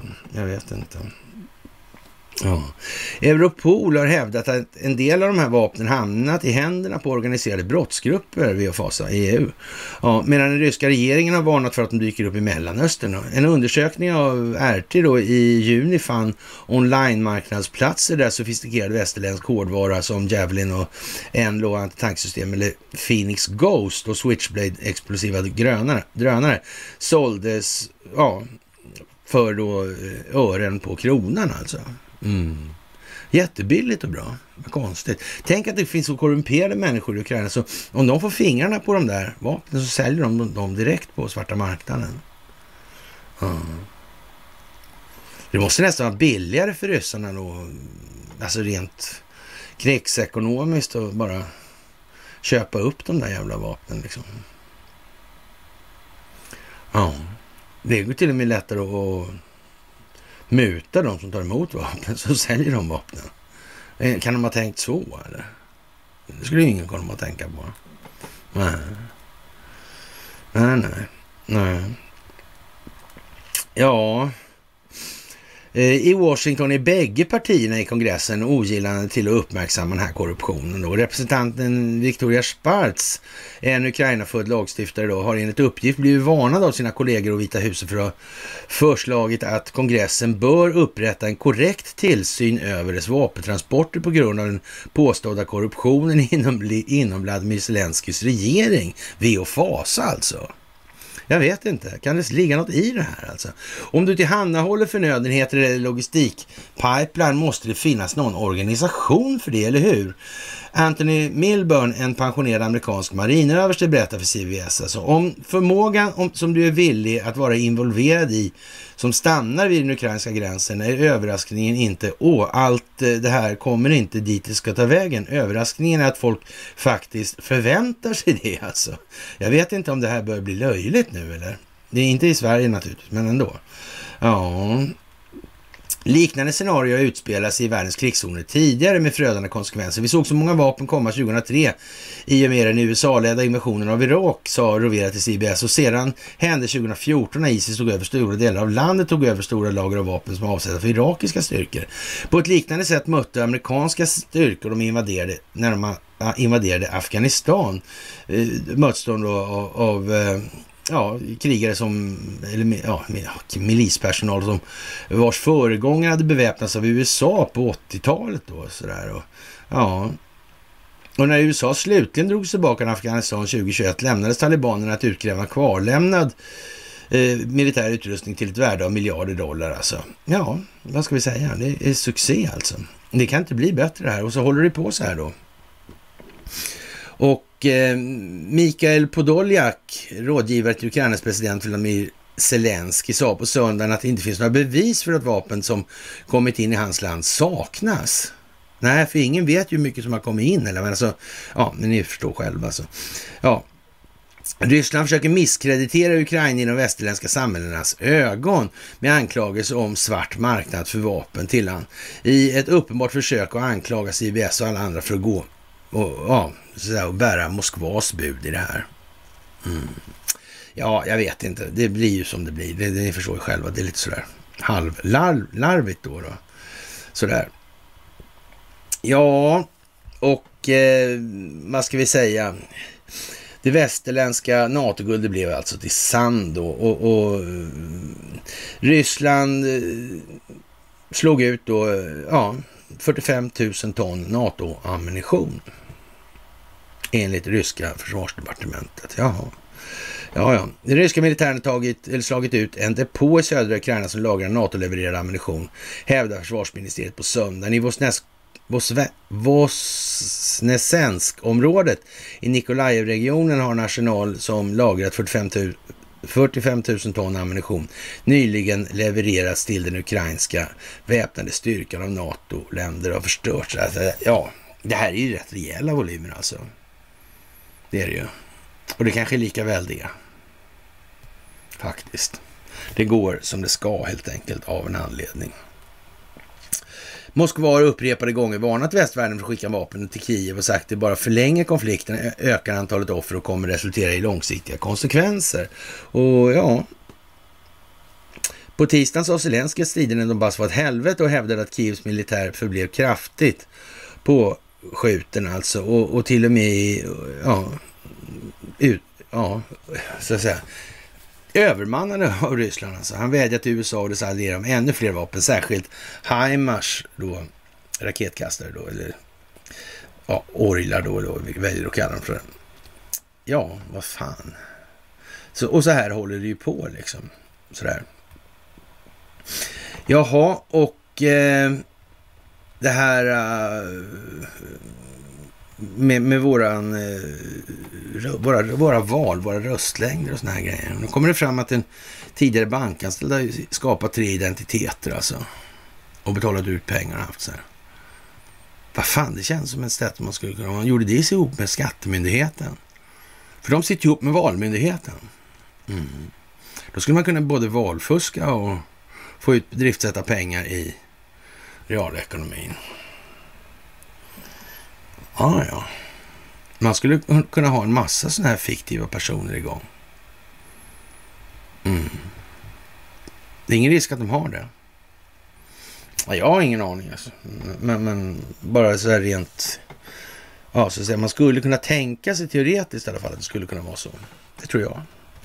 Ja, men det kanske inte kan. Jag vet inte. Girig skriver någon då. Ja, svensk skulle jag väl säga då. Och som sagt alltså, det här med Svenska Dagbladet och Stefan Ingves och hans räntebana och marker som insatser och det är en pokerhand som är tämligen klen skulle man väl kunna säga då alltså. Mm. Det får man nog fan anse alltså. Vad ska det bli av det här? Ja, som vi börjar med, det kan ju bara bli en sak. Alltså, det här systemet är vad det är. Det är bara så. Och det här måste tas dit det ska på ett sätt som i alla fall inte skapar onödigt mycket friktion i form av mänskligt lidande och elände. Det är modellen alltså. Det gäller alltså att utveckla pedagogiken i den riktningen hela tiden. Ja, Riksbankens räntor har extremt liten effekt på det som driver inflationen. Ja, det finns en fara. Alltså jag, jag vet inte ens om... Och, och, jag, jag, tänkte för, från början att jag skulle läsa lite och så såga lite det där hela eh, tiden. Men eh, som sagt, det är ju inte där problemet ligger. Problemet är att det här systemet är skuldmättat. Och det finns ett tillväxtkrav. Och tillväxtkravet växer mot oändligheten. Och det på en ändlig planet. Men kom igen nu för fan. Man, det är inte så mycket att förstå i alla fall. Det klarar alla av, helt säkert. Jaha, elpriserna svårt och dyrt att binda. Elpris värst i södra Sverige och, och som sagt elprismarknaden pris på någonting som ännu inte är producerat alltså. Mm. Ja, nej, det vet jag inte. Det kan vara. Nu ska alla, ja, upp i soffan alltså. Det är bara att lämna soffjäveln helt enkelt. Nu är det pinnstol snart som gäller faktiskt. Mm. Och Eh, högervindar blåser bland unga och det ökar stödet för kärnkraft. Alltså de skiter, det är höger, högervindar alltså som är kärnkraftsstöd alltså. Och, och vänster är emot kärnkraft då, eller hur menar man här? Det, det, det är konstigt alltså. Ja. Högerpartierna lyfter fram kärnkraften och samtidigt blåser högervindar bland unga väljare. Ja. Det ligger bakom, enligt, enligt forskare ligger det här bak, det bakom alltså. Ja, det är det som gör det. Mm. Ja, ja, ja, ja. Ja. Som sagt, det handlar om kärnkraft. Och eh, Massflykt av arbetskraft från Kina. Svenska bolag förtegna i det här sammanhanget. Det pågår massutflyttning av internationell arbetskraft från Kina och Hongkong. Och det bekräftas av flera aktörer med kunskap om regionen. Svenska storbolag är förtegna och säger sig inte kännas vid trenden. Alla Kina-frågor är tyvärr känsliga nu för tiden. Företagen vinner inget på att prata om det här, säger Ludvig Nilsson, ordförande för Svenska Handelskammaren i Kina. Ludvig Nilsson Ja, det måste vara en hedlig typ alltså. De kraftiga nedstängningarna i Kina och Hongkong har fått anställda att tröttna. Det uppger Linda Bradley som arbetar för Business Sweden i Hongkong och själv har kollegor som satt instängda i Shanghai i två månader under våren alltså. Och ja, det här är lite konstigt alltså. Mm. Fåtal svenskar som på ett brutalt vis lägger sig i Kinas inre angelägenheter, det har vi hört någon gång. Jag vet inte. Jag tror att det har något med det här att göra faktiskt. Mm. Min uppfattning är att Kina-bilden är ganska negativ i Sverige just nu, alltså, vilket beror på flera faktorer, inte minst covid-hanteringen. Det har påverkat attraktiviteten, säger man från Business Swedens sida då alltså. Ja, som... Man, man, man kan väl säga att eh, när det gäller Ericsson så säger man så här, vi har inte sett någon betydande inverkan på rekryteringsinsatser i Kina till följd av covid-19, uppger Eva Andersson på Ericssons pressavdelning. Huruvida bolaget har omlokaliserat personal på grund av nedstängningar, det vet hon faktiskt inte. Nej, nej. H&M säger att vi avböjer medverkan i det här. Mm. Vad, vad, är det där för något egentligen? Är, är det liksom... Det kommer vi få. Mm. Ja, ja. Kanske det. Det är som det ska vara bara. Ja. Ja, vad ska vi säga? Och så defaitisterna igen då, då. Vad ska vi säga om dem då? Men eh, eh, spar mödan bara alltså. Det är bara så alltså. Och som sagt, när Stjärnan börjar skriva i Norrköpings Tidningar, och Göran Perssons gamla partisekreterare alltså. När han börjar skriva i eh, Norrköpings Tidningar om det här med att han är intresserad av det här med SMR-anläggningar. Alltså. Mm. Då vet vi. Och det här kommer samtidigt nu alltihop. Det är konstigt, det kan vara en slump.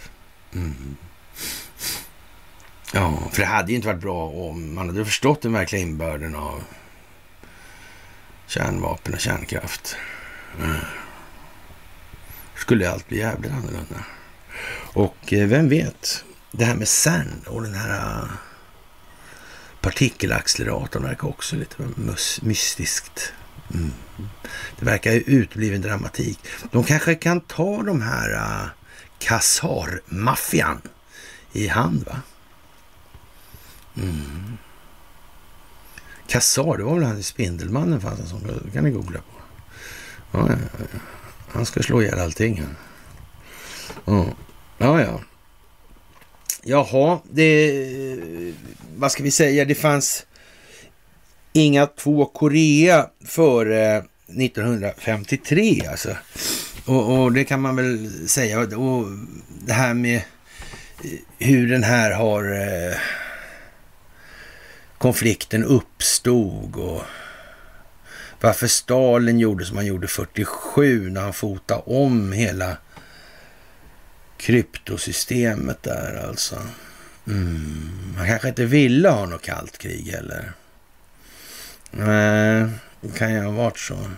Och det tog inte riktigt fart förrän han var död. Och när dog han? Han dog 53. Okej. Okay. Ja. Ja, ja, ja, ja. Men det var ju japanskt innan då. Och Japan fick ju utgöra då den här ja, som sagt Hirohito-familjen och deras serafimer ordnar och det här och fördröja krigsslutet och från 44 till 45. Mm. Två Iranbomber fälldes. Fanns det kanske redan vätebomber då? Så. Mm. Men det hade kanske klingat jävligt konstigt. Vadå väte? Vadå för jävla radioaktivitet? Dumheter. Mm. Men det här med eh, uranet och, och spjälkningar. Det, det var ju också, det var en jävla norrman inblandad i det där. Vad han, eh, vad han nu hette. Mm. Birkeland kanske. Mm. Kanske det kanske. Ja, ja, ja, ja, ja. det där är ju väldigt konstigt. Och, och, och vad man ska säga då, att det, eh, ja, det hände ju mycket. Vi har ju beskrivit det den här föreläsningen då. Fram, inte framväxten av det kalla kriget för den senaste, men den tidigare där då, det här med Koreakriget och det. Och vad ska vi säga alltså? Att Stalin gick med på det här på det viset, det var också konstigt alltså. Faktiskt. Och ja, den här demilitariserade zonen. Det var två amerikanska arméöverstar, Charles Bonesteel och Dean Rusk, föreslog skickligt en gräns som säkerställde att Seoul förblev på deras sida och sovjeterna gick överraskande nog med på det här. Alltså. Och, och det markerar födelsen av Nord och Sydkorea. Alltså. Ja, och 47 skulle FN övervaka valen i båda regionerna för att bilda en demokratiskt vald regering. Men på grund av bristande förtroende hände det här aldrig. Valet blockerades i norr av sovjeterna som stödde Kim Il-Sung som chef för Demokratiska folkrepubliken Korea, DPRK, och blockerades i söder av USA som stödde Syngman Rhee som ledare för republiken Korea, ROK. Mm. Ja, och DPRK såg en möjlighet att återta den södra regionen 53, men detta om inte gjordes av FN, främst USA. Striderna slutade så småningom i ett vapenstillestånd alltså. Och, och, ja, det är ju konstigt alltså. Jag vet inte vad det här kan vara. Jo, jag vet ju det och, och, och det jag önskar är att man sätter sig in lite mer. Det går att ta i stort sett vilket jävla ord eller någonting i det här som helst och sen sätter man in det i sökrutan av bloggen. Och då finns det en miljon artiklar i de här sammanhangen. Och eh, det är ju egentligen inte så mycket att be för.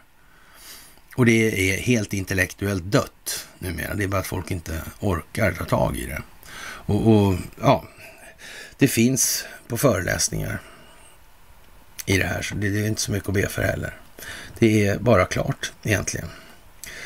Och ja, den situationen som är, den är ju vad den är just nu och Kim Jong-Un, ja, han gör vad han gör av en anledning. Så kan vi säga. Faktiskt. Och Indien då är ju en annan femma i det här och vi vet att Ericsson har varit där sedan i princip hela förra århundradet, alltså hela 1900-talet. Mm. Och hur gjorde man när man delade upp Indien? Hur var kolonialiseringen genomförd och varför och så vidare och så vidare i det här. Hur såg det ut med familjen Gandhi till exempel och deras förehavanden i vapensammanhang? Mm, hur, vad, vad hade Gandhi varit tidigare? Hade han varit i Sydafrika kanske möjligen? Kände han till någonting med hans Cecil Rhodes kanske möjligen? Sådär, alltså hur var hans social eh, ja, vad ska vi kalla det för, socialt sett. Men ja, vem finansierar dem förresten? Mm. Ja, det där kanske man ska sätta sig in lite i. Och, och det är ju en eh, fråga om Storbritanniens koloniala arv där nu. Och det är ganska bra att känna till just nu ska jag säga, faktiskt. Ja, och eh, det finns ju massor i det här naturligtvis. Donald Trump i USA, han reformerar det republikanska partiet. Han måste sanera det inifrån. Det har han hållit på med en bra stund naturligtvis. Och eh, de har fått avslöja sig själva helt enkelt. De är dokumenterade för vad de har gjort. Var så säkra. Inget snack om den saken. Och ja, vi får väl eh, vad ska man säga, fnissa lite eller le lite grann. Amnesty beklagar upprördhet och ilska mot rapport. Uh, ja, människorättsorganisationen Amnesty International har bett om ursäkt för en upprördhet och ilska som orsakats av en rapport som anklagar Ukraina för, för att eh, använda militär teknik som utsätter landets civila för ökad fara. Alltså, ja, jag vet inte. Mm, man har placerat folk här och var. När man hotar, vem är det som befinner sig i de här kärnkraftsanläggningarna som blir beskjutna och vem är det som skjuter? Kanske folk ska fundera lite. Någonting kan man väl tänka i alla fall. Lite. Så, det kan ju vara bra. Och eh, ja, det är inte okej att uppröra folk ens med sanningen alltså. Och, och, ja, det må ju vara som det är med den saken då, kan vi väl säga. Och eh, fentanylet sprider sig. Och då är det ju trevligt med det här med fria gränser och sådana här grejer. Det är praktiskt då för de som vill droga ner befolkningen. Jag tror att de gamla Ostindiska kompanierna och de djupa staten känner till lite om den typen av verksamhet. Faktiskt bättre än någon annan på hela planeten. Jag skulle påstå att narkotikahanteringen utan den typen av Eh, statligt understöd är någonting som är tämligen dödsdömt helt enkelt. Mm. De skulle städa ur den här kriminaliteten på den här planeten på en vecka om de ambitionerna fanns så. Mm. Och det var möjligt än så länge. Alltså. Men det kommer snart tider då det är möjligt och det kommer bli en jävla skillnad helt enkelt.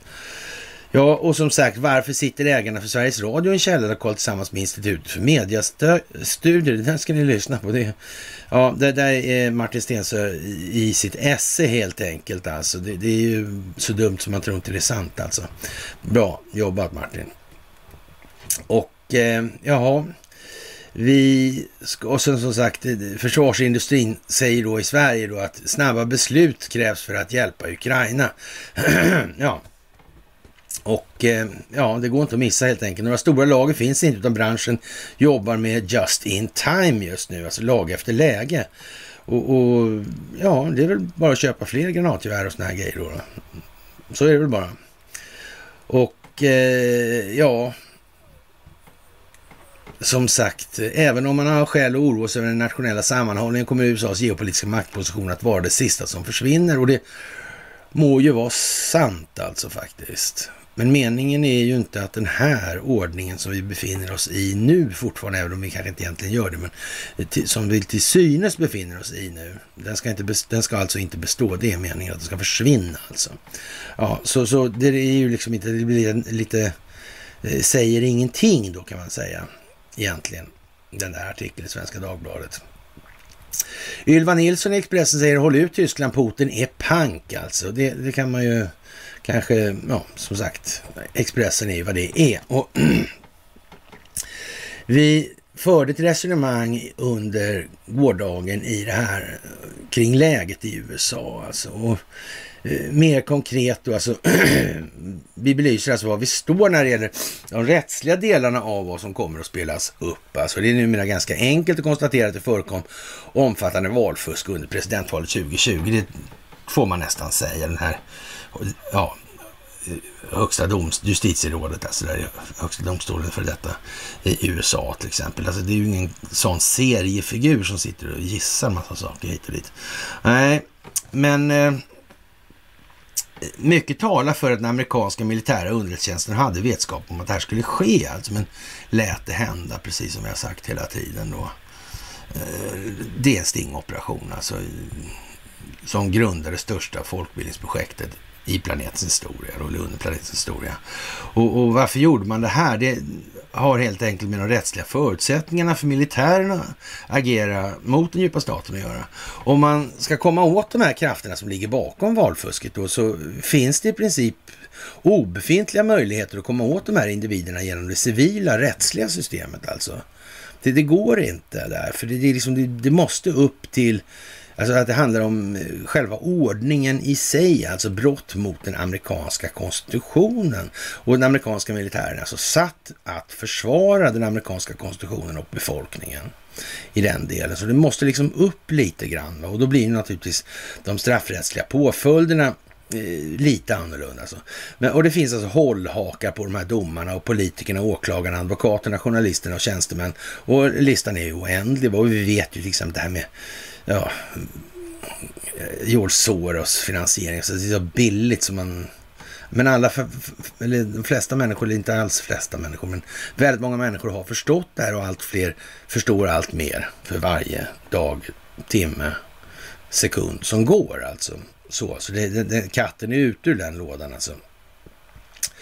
Och eh, de här individerna är dessutom spridda över hela planeten och det skulle vara minst sagt eh, Eh, omfattande arbete att koordinera allt det här mellan olika länders rättsinstanser som oftast tyvärr eh, inte bara kan vara mer eller mindre korrupt utan i själva verket i princip alltid är det. Och i allra värsta fall så är det ju som det svenska att man faktiskt kan muta till sig kontrollen över ett lands centrala nervsystem.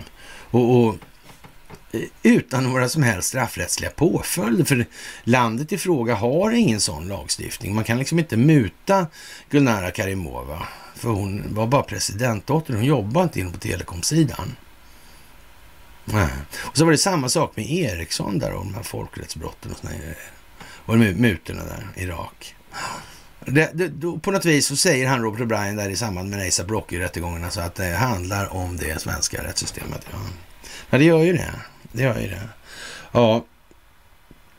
Nej, den civilrättsliga vägen, alltså den civila rättsliga vägen, var helt enkelt oframkomlig sett till att på ett tillräckligt sätt spola ut träsket i någon betydande, avgörande omfattning. Alltså. Eh, vi måste komma ihåg att det här handlar om en ytterst lång planläggning för att komma åt hela det ryggade systemet som vi lever i, i alla fall tillräckligt stora delar för att man ska åstadkomma en för alltid avgörande skillnad i det här då. Man får inte mer än en chans alltså. Ja, det är helt eh, makalöst, men ja det är ju det, makalöst, saknar motstycke alltså. Och eh, det som riggat och berikar sig på systemet på alla andra människors bekostnad har gjort sig skyldiga till brott mot hela mänskligheten över flera generationer. Alltså det är ju som sagt direkt långtgående det här. Eh, det riggade systemet syftar i grunden på det monetärmekaniska systemets inneboende funktion som går ut på att göra allt färre, allt, män, eller allt rikare på allt fler människors bekostnad. Alltså. Och det har vi sagt några gånger då faktiskt. Och eh, Givetvis finns det inom de här systemen mängder med avarter sprungna ur det här grundläggande problemet, men de kan belysas med ljuset från verkligheten. Men det är till stor del just det monetärmekaniska systemets inneboende funktion med krav på evig tillväxt som drivit mänskligheten mot den brant som vi nu står inför. President Trump sa så här, vi är i krig, i krig mot den osynlige fienden. Vissa hävdar att han syftar på coronaviruset och att han därtill bara raljerade. Men en sak ska man komma ihåg med president Trump, han säger inget ingenting offentligt av misstag. Eh, han har även kallat sig själv en krigstidspresident. Eh, vad spelar det för roll kanske du tänker då? Eller tänker människor sådär. alltså. Nej, men det spelar en stor roll faktiskt. För rent militärjuridiskt har USA då sittande president förklarat att landet är i krig alltså. Och man kan tycka det här låter larvigt, men det är ett faktum. Kriget mot en osynlig fiende är inte ett krig mot någon, något som helst virus. Det är ett krig mot en fiende som gömmer sig bakom multinationella företag, övernationella institutioner, NGOer, köpta politiker, tjänstemän, domare och så vidare och så vidare, statsförvaltning. Eh, att verka utan att synas i ett begrepp som vi kommer att komma tillbaka till senare som har starka kopplingar till Sverige för de som inte kommer ihåg det alltså. Det finns mycket att borra ner sig i runt den så kallade pandemin och president Trumps roll i framtagandet av ett vaccin alltså. Det struntar vi i just nu, de här virologiska aspekterna och sådär. Mm, det kommer vi till sen. Vi måste en sak i taget.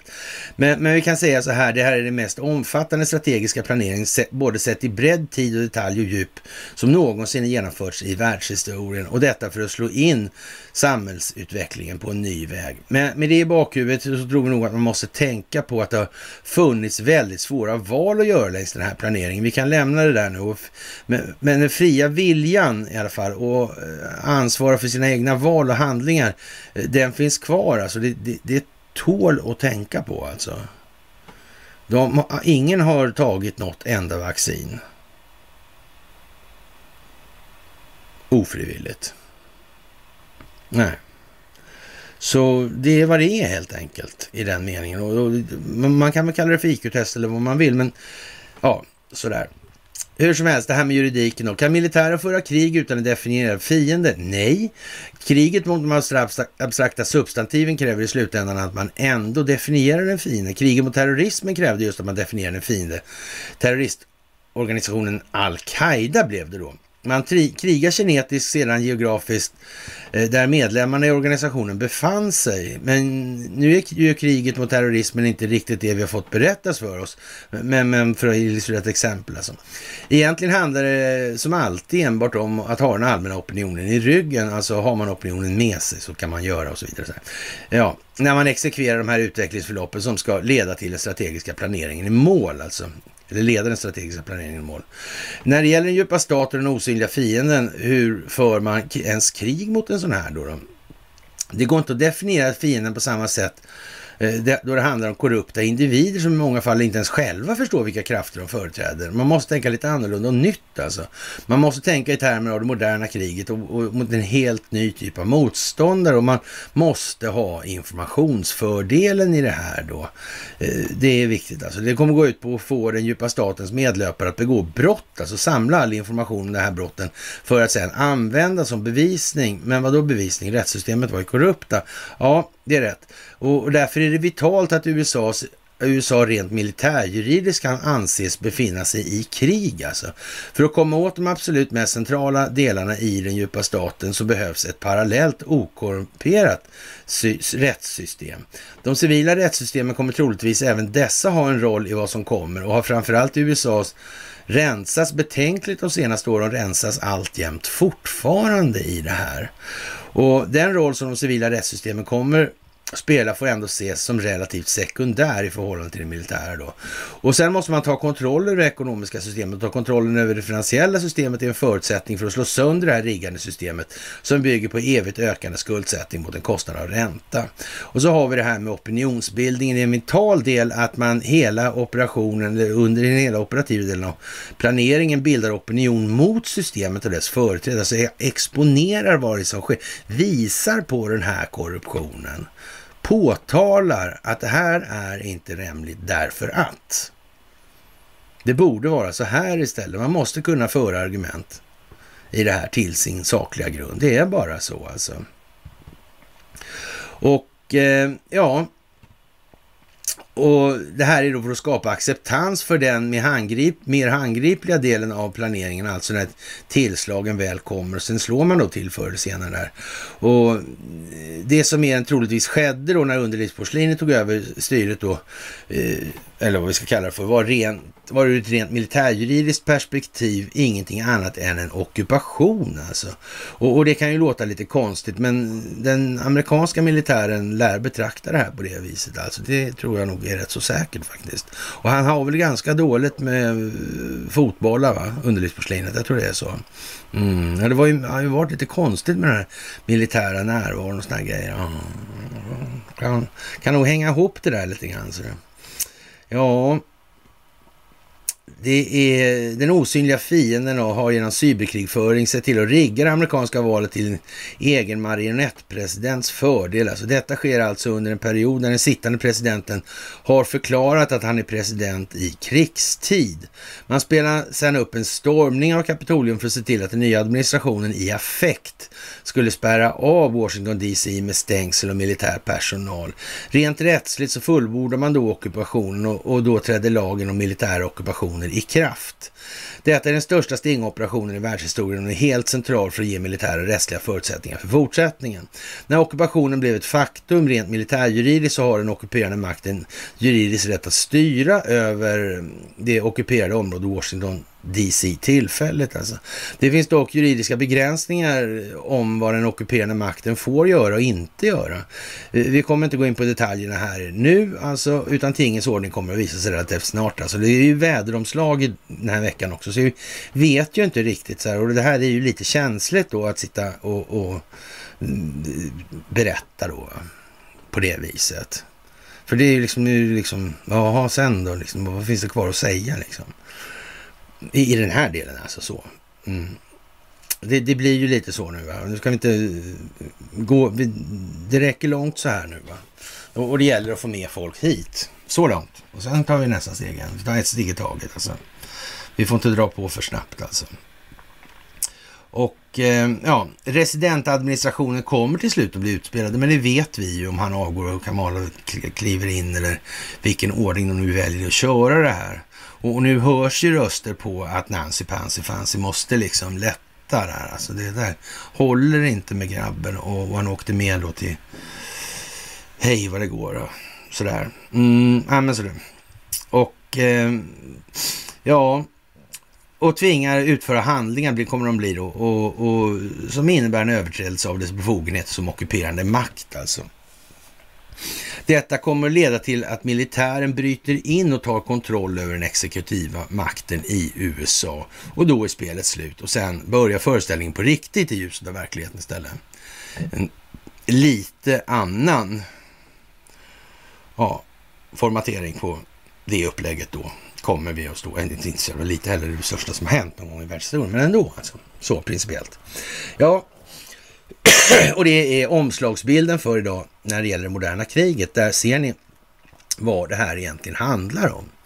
Och, och så är det med den saken, kort sagt. Ja, som sagt, och när det gäller då Biden-Harris-administrationens eh, internationella trafficking, människotrafficking, alltså, då, då, är det ju som det är alltså. Och, och, det blir ju ingenting bättre av. Alltså. Det kommer ju ja, uppgift på uppgift på uppgift i det här hela tiden. Och det här kommer bli ett helvete helt enkelt. Det är bara så. Och som sagt, vädervändning då, det kan bli upp till 30 grader alltså. Och, och som sagt, eh, ja, det är ju lite speciellt alltså. Solen kommer titta fram ibland under måndagen och tisdagen, men det är på onsdag som förändringens vind blåser över Sverige. Blåser in över Sverige på riktigt. Ja, vi får väl se hur det blir med den saken. Men eh, alldeles uppenbart är att eh, ja, det händer saker. Det är dramatiskt. Och för er som eh, inte är råda av alla de här slagskeppsbilderna som jag delar hela tiden så ska ni tänka på att det finns en mening i, i de här grejerna. Och om vi pratar om BB39 till exempel, eller då Arizona eller så. Ja, Texas har visst eh, någonting också med, med valet, va? tror jag det är. Wisconsin är ju lite pigga med, med det här med desertifiering också. De slagskeppen är uppe. Det är, lustigt nog är det just de stad, delstaternas slagskepp som är uppe. Är inte det lite konstigt? Eller kanske inte är så konstigt. Det kanske finns någon form av ja, optik. Signalvärde. Värdeladdning.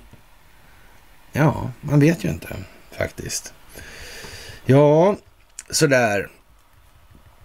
Det ska man nog inte glömma bort faktiskt. Mm. Jaha, ja, Säkerhetspolisen som sagt, de deltog i årets Pride-festival då, eller Stockholm Pride-parad. En av deltagarna var säkerhetschef, säkerhetspolischef Charlotte von Essen alltså. Mm.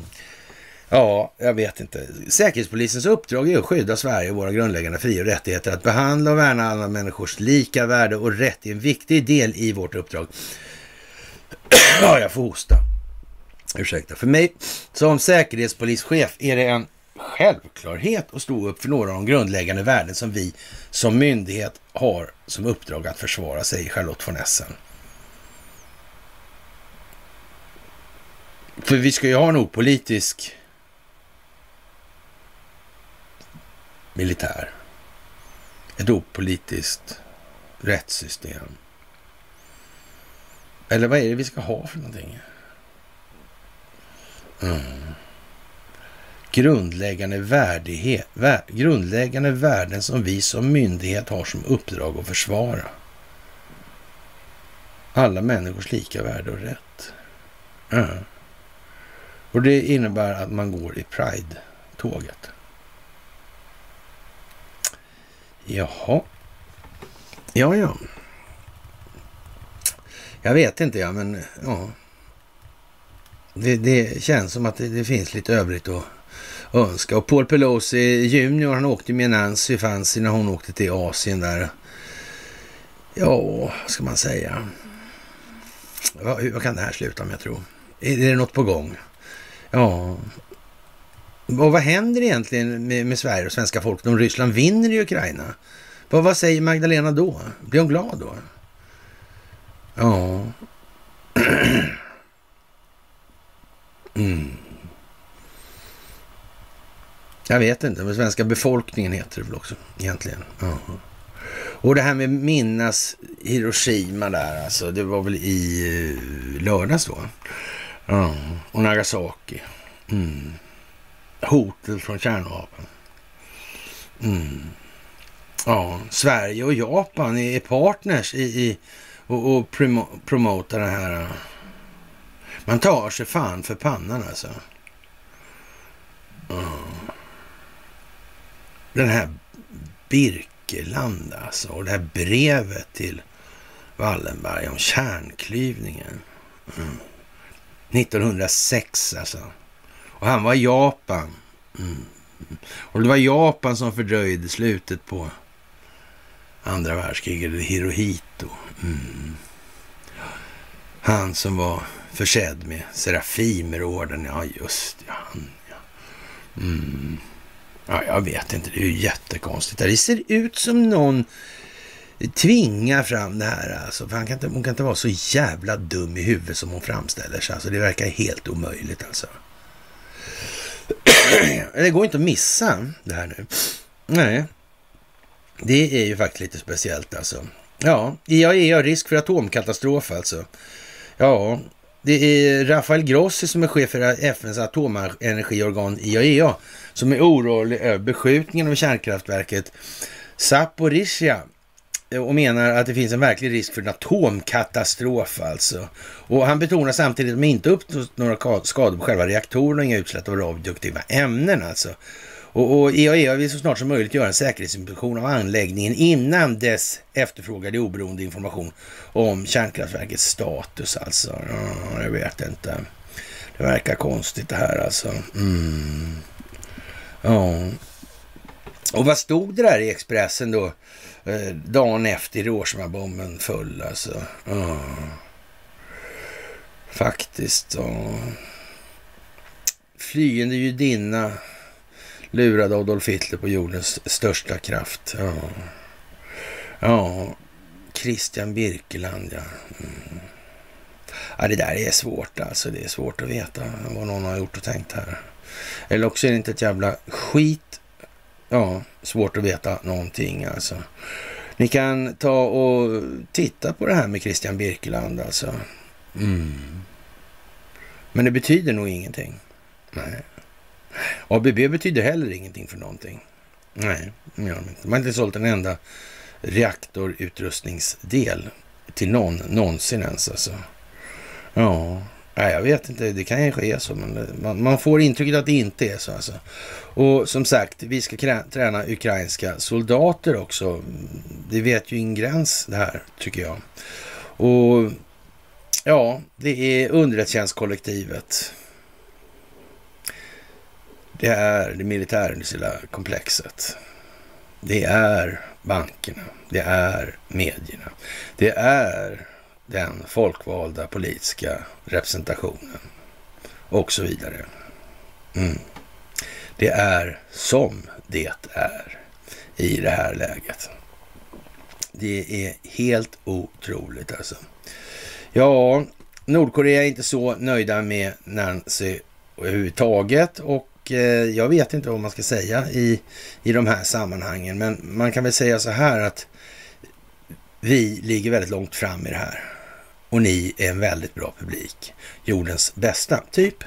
Så, i de här sammanhangen. Det finns ingen annanstans där man kan göra det här och det är enkla skälet att eh, de vet inte vem Christian Birkeland är, de vet inte vilka Investor är, de vet inte någonting om någonting i de här sammanhangen. och det gör hela frågan. Men med det sagt så har vi kommit till ändan på det här idag. Och eh, ja, det börjar ju som det börjar. Spännande vecka. Det kommer att bli dramatiskt något så in i helvete vad det lider nu här. Och jag ber er att faktiskt sätta er in lite i den här genomgången vi hade och försök tänka till så ni hänger med i det här nu.